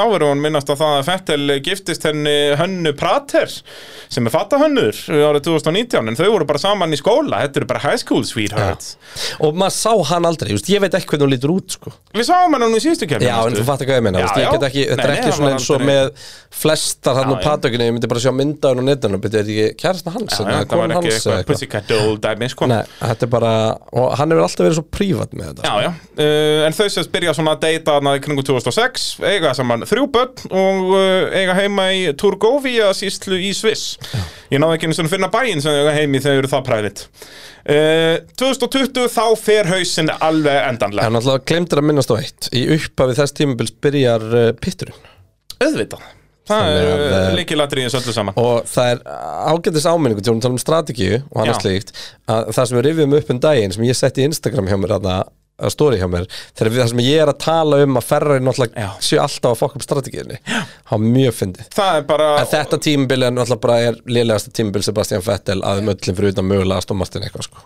Nei, ekki einu sinni það, þetta er það versta Hann, Aha. hann gæti toppað það núna en Það hann sem bara sagt í punktasöfnun, eða? Hann endar, nei, í, í sæti sem sagt Hann endar 13. í mótinu Leclerc er með 200% fleiri stig Já.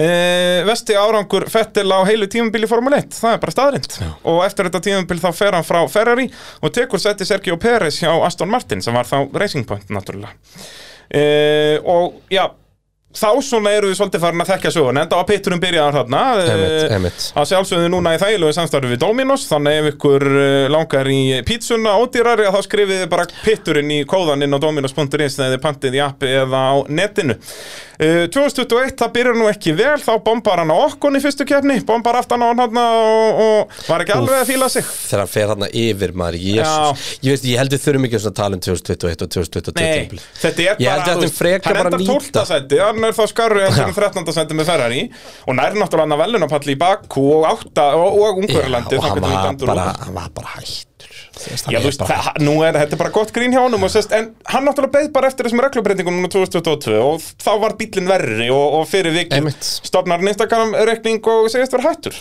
Ég hérna, en ef við förum aðeins bara svona, bara svona tökum nokkur loka orðum fettel mm. frekar en að eða tíma í að tala um síðustu tvö árin sem maður muni bara gleymast Já, um, Þetta er sko það sem að við erum kannski ekki búin að koma inn á sem er svo sem er svo magnað við Sebastian Vettel og svona ein af ástæðanum fyrir því að ég bara sennilega sko virðan hvað mest sem aukumann Já. er svona þetta personal journey sem hann er búin að fara í gegnum á þessum tíma já, maður hefur séð að hann þrómast svo mikið sko. Já, þú veist, flest, það er ekki það, ég held að sé engin aukumaður bara í sögunni sem ég dettur í hug Já, það er bara íþróttamaður Já, bara almennt. íþróttamann nákvæmlega sem að hefur tekið svona miklum sko þú veist, hann er búin að þroskast um 50 ár sko. Já, og bara frá því að vera fyrsti svona alvöru hataði ökumæðurinn 2013 sem hann bara púaði á í öllum keppnum Einmitt í að vera núna by far langvinsalast Ég meina ökumæðurinn Fettil fór ekki nákvæmlega sama og hérna og, og Hamilton sem er hérna, þú veist, never live long enough to see yourself become the villain sko. Jeps. Þeir urðu það báðir, Já, þú veist, já. þeir voru bara kongarnir það lengi að fólk var bara að fara að hata á Já, og þú veist, það verður eins með Max eftir tvö ár, sko Það er bara byrjað Já, það er basically Þú byrjað veist, þótt hann eigi ennþá alveg brjálagslega dedicated fanbase og allt annað, Já, þótti já. Fettil og Hamilton það líka í gegnum þetta Já, já, En punkturinn minn er meira sko það, þessi þú veist, þetta er gæði sem gengur fyrir það að láta gott að sér leiða já, þú veist, þetta er, þetta, þetta er sá aukumæður í sögunni sem ég held að væri svona auðvildast fyrir fólk að horfa og leita og hugsa, þetta getur bara vinnu minn já, 100% Og við hefum nú oft talað um þetta, þetta Og er meina bara- bara fólki einn á langar efst- það. Já, og bara djöð sem ég væri til í að fara bara í fjallgöngu með honum, sko Já, já eða bara sitja á þegi einhver stað Já, sko. bara Þú veist, vera hann, nálægt hann er honum. einmitt svo típa sko. Þannig að hérna magnaði náungi og, og það verður aldrei tekið af honum að, að ég held og ég ætla bara að halda því fram að, að Fettel uh, Red Bull árin það verður aldrei aukumar þú veist sem er bara betri í að stjórna þessum aðstæður Og hann á ennþá nokkur mjög góð met sem verða sjaldan slegin nýju sigrarnir eru röð þarna, kannski að Max takki það hann er yngsti heimsmyndarasögunar, það er langt í að það verður slegið Já, maður veit það sem en þetta það en verður já, slegið 100% út af því að þetta er að þróast í það áttina já, örugglega. en hann, ég hugsa að það verður aldrei slegið að vera yngsti fjórfaldimeistarinn út af hann náttúrulega vinnu fjóra í röð skilur Já. það er hans í strempið sko en þú veist eins og Max var ekki yngri þegar hann vann í fyrra skilur þannig að þetta er, þetta er sturlaða En fyrir er, er Fettil að hætta með rétt magna heimsmyndstartillum?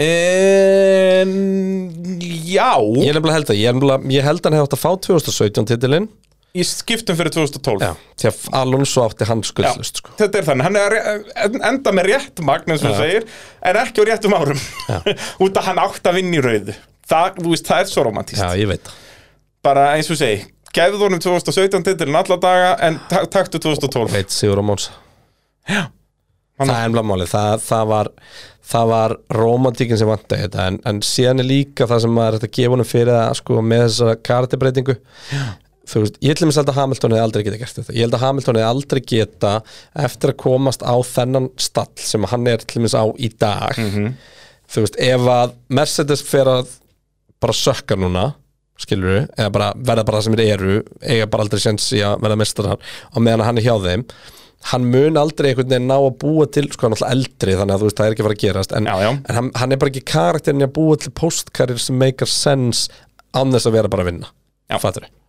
það er bara þannig og þótt að fettirkallin hafi nú litið út eins og algjör bladra hérna á ákveðin tímapunkti þú snýð með ring, ring og, og fleira Já, já. þá einhvern veginn samt sem áður er hann að fara út þannig að það mun allir sakna hans Já, hann er 100% hann, gull, og hann ja. er að fara þetta hálfum tíma Kimi Rækonin var tveimur árum og lengi eiginlega. Já. nema eina sem var var það að Kimi Rækonin fór í Alfa Romeo og sem öllu var drullu samum Alveg eins og Vettel er núna með Aston Martin. já, Fettil, Kimi var allir með tveimur árum og lengi hjá Ferri skilur. Já, sammála, Þú veist. algjörlega sammála en Fettil einhvern veginn Hann var einu ára og lengi á Ferrari Hann átti að hætta eftir 2019 Ef maður horfur á þetta eftir á já, já, og þannig að hjálpa ekki að bílinn þar var bara saurugur sko. Jips, þá kemur þetta þannig að fjóðum þetta er, þetta Það er geggjaðu fyrir og geggjaðu gæ Já, Það er ég bara held að svo það sé bara svolítið punkturinn yfir í þið. Já, þetta var að sjálfsögðu allt saman í bóði kalda eh, Bjórbauðin fyrir norðan Við getum votta fyrir það að það er tær snild að skella sér í bjórbauðin og spaðið þar og skella sér svo út í pottana hann er geggjöð aðstæðaðna og, og Sturla útsýni, hótel maður. og fara túr í brugsmiðjunni og þetta er bara indislegt allt hann hjá kalda á Árskóðsandi þannig að eh, mælum eindreið með eh, því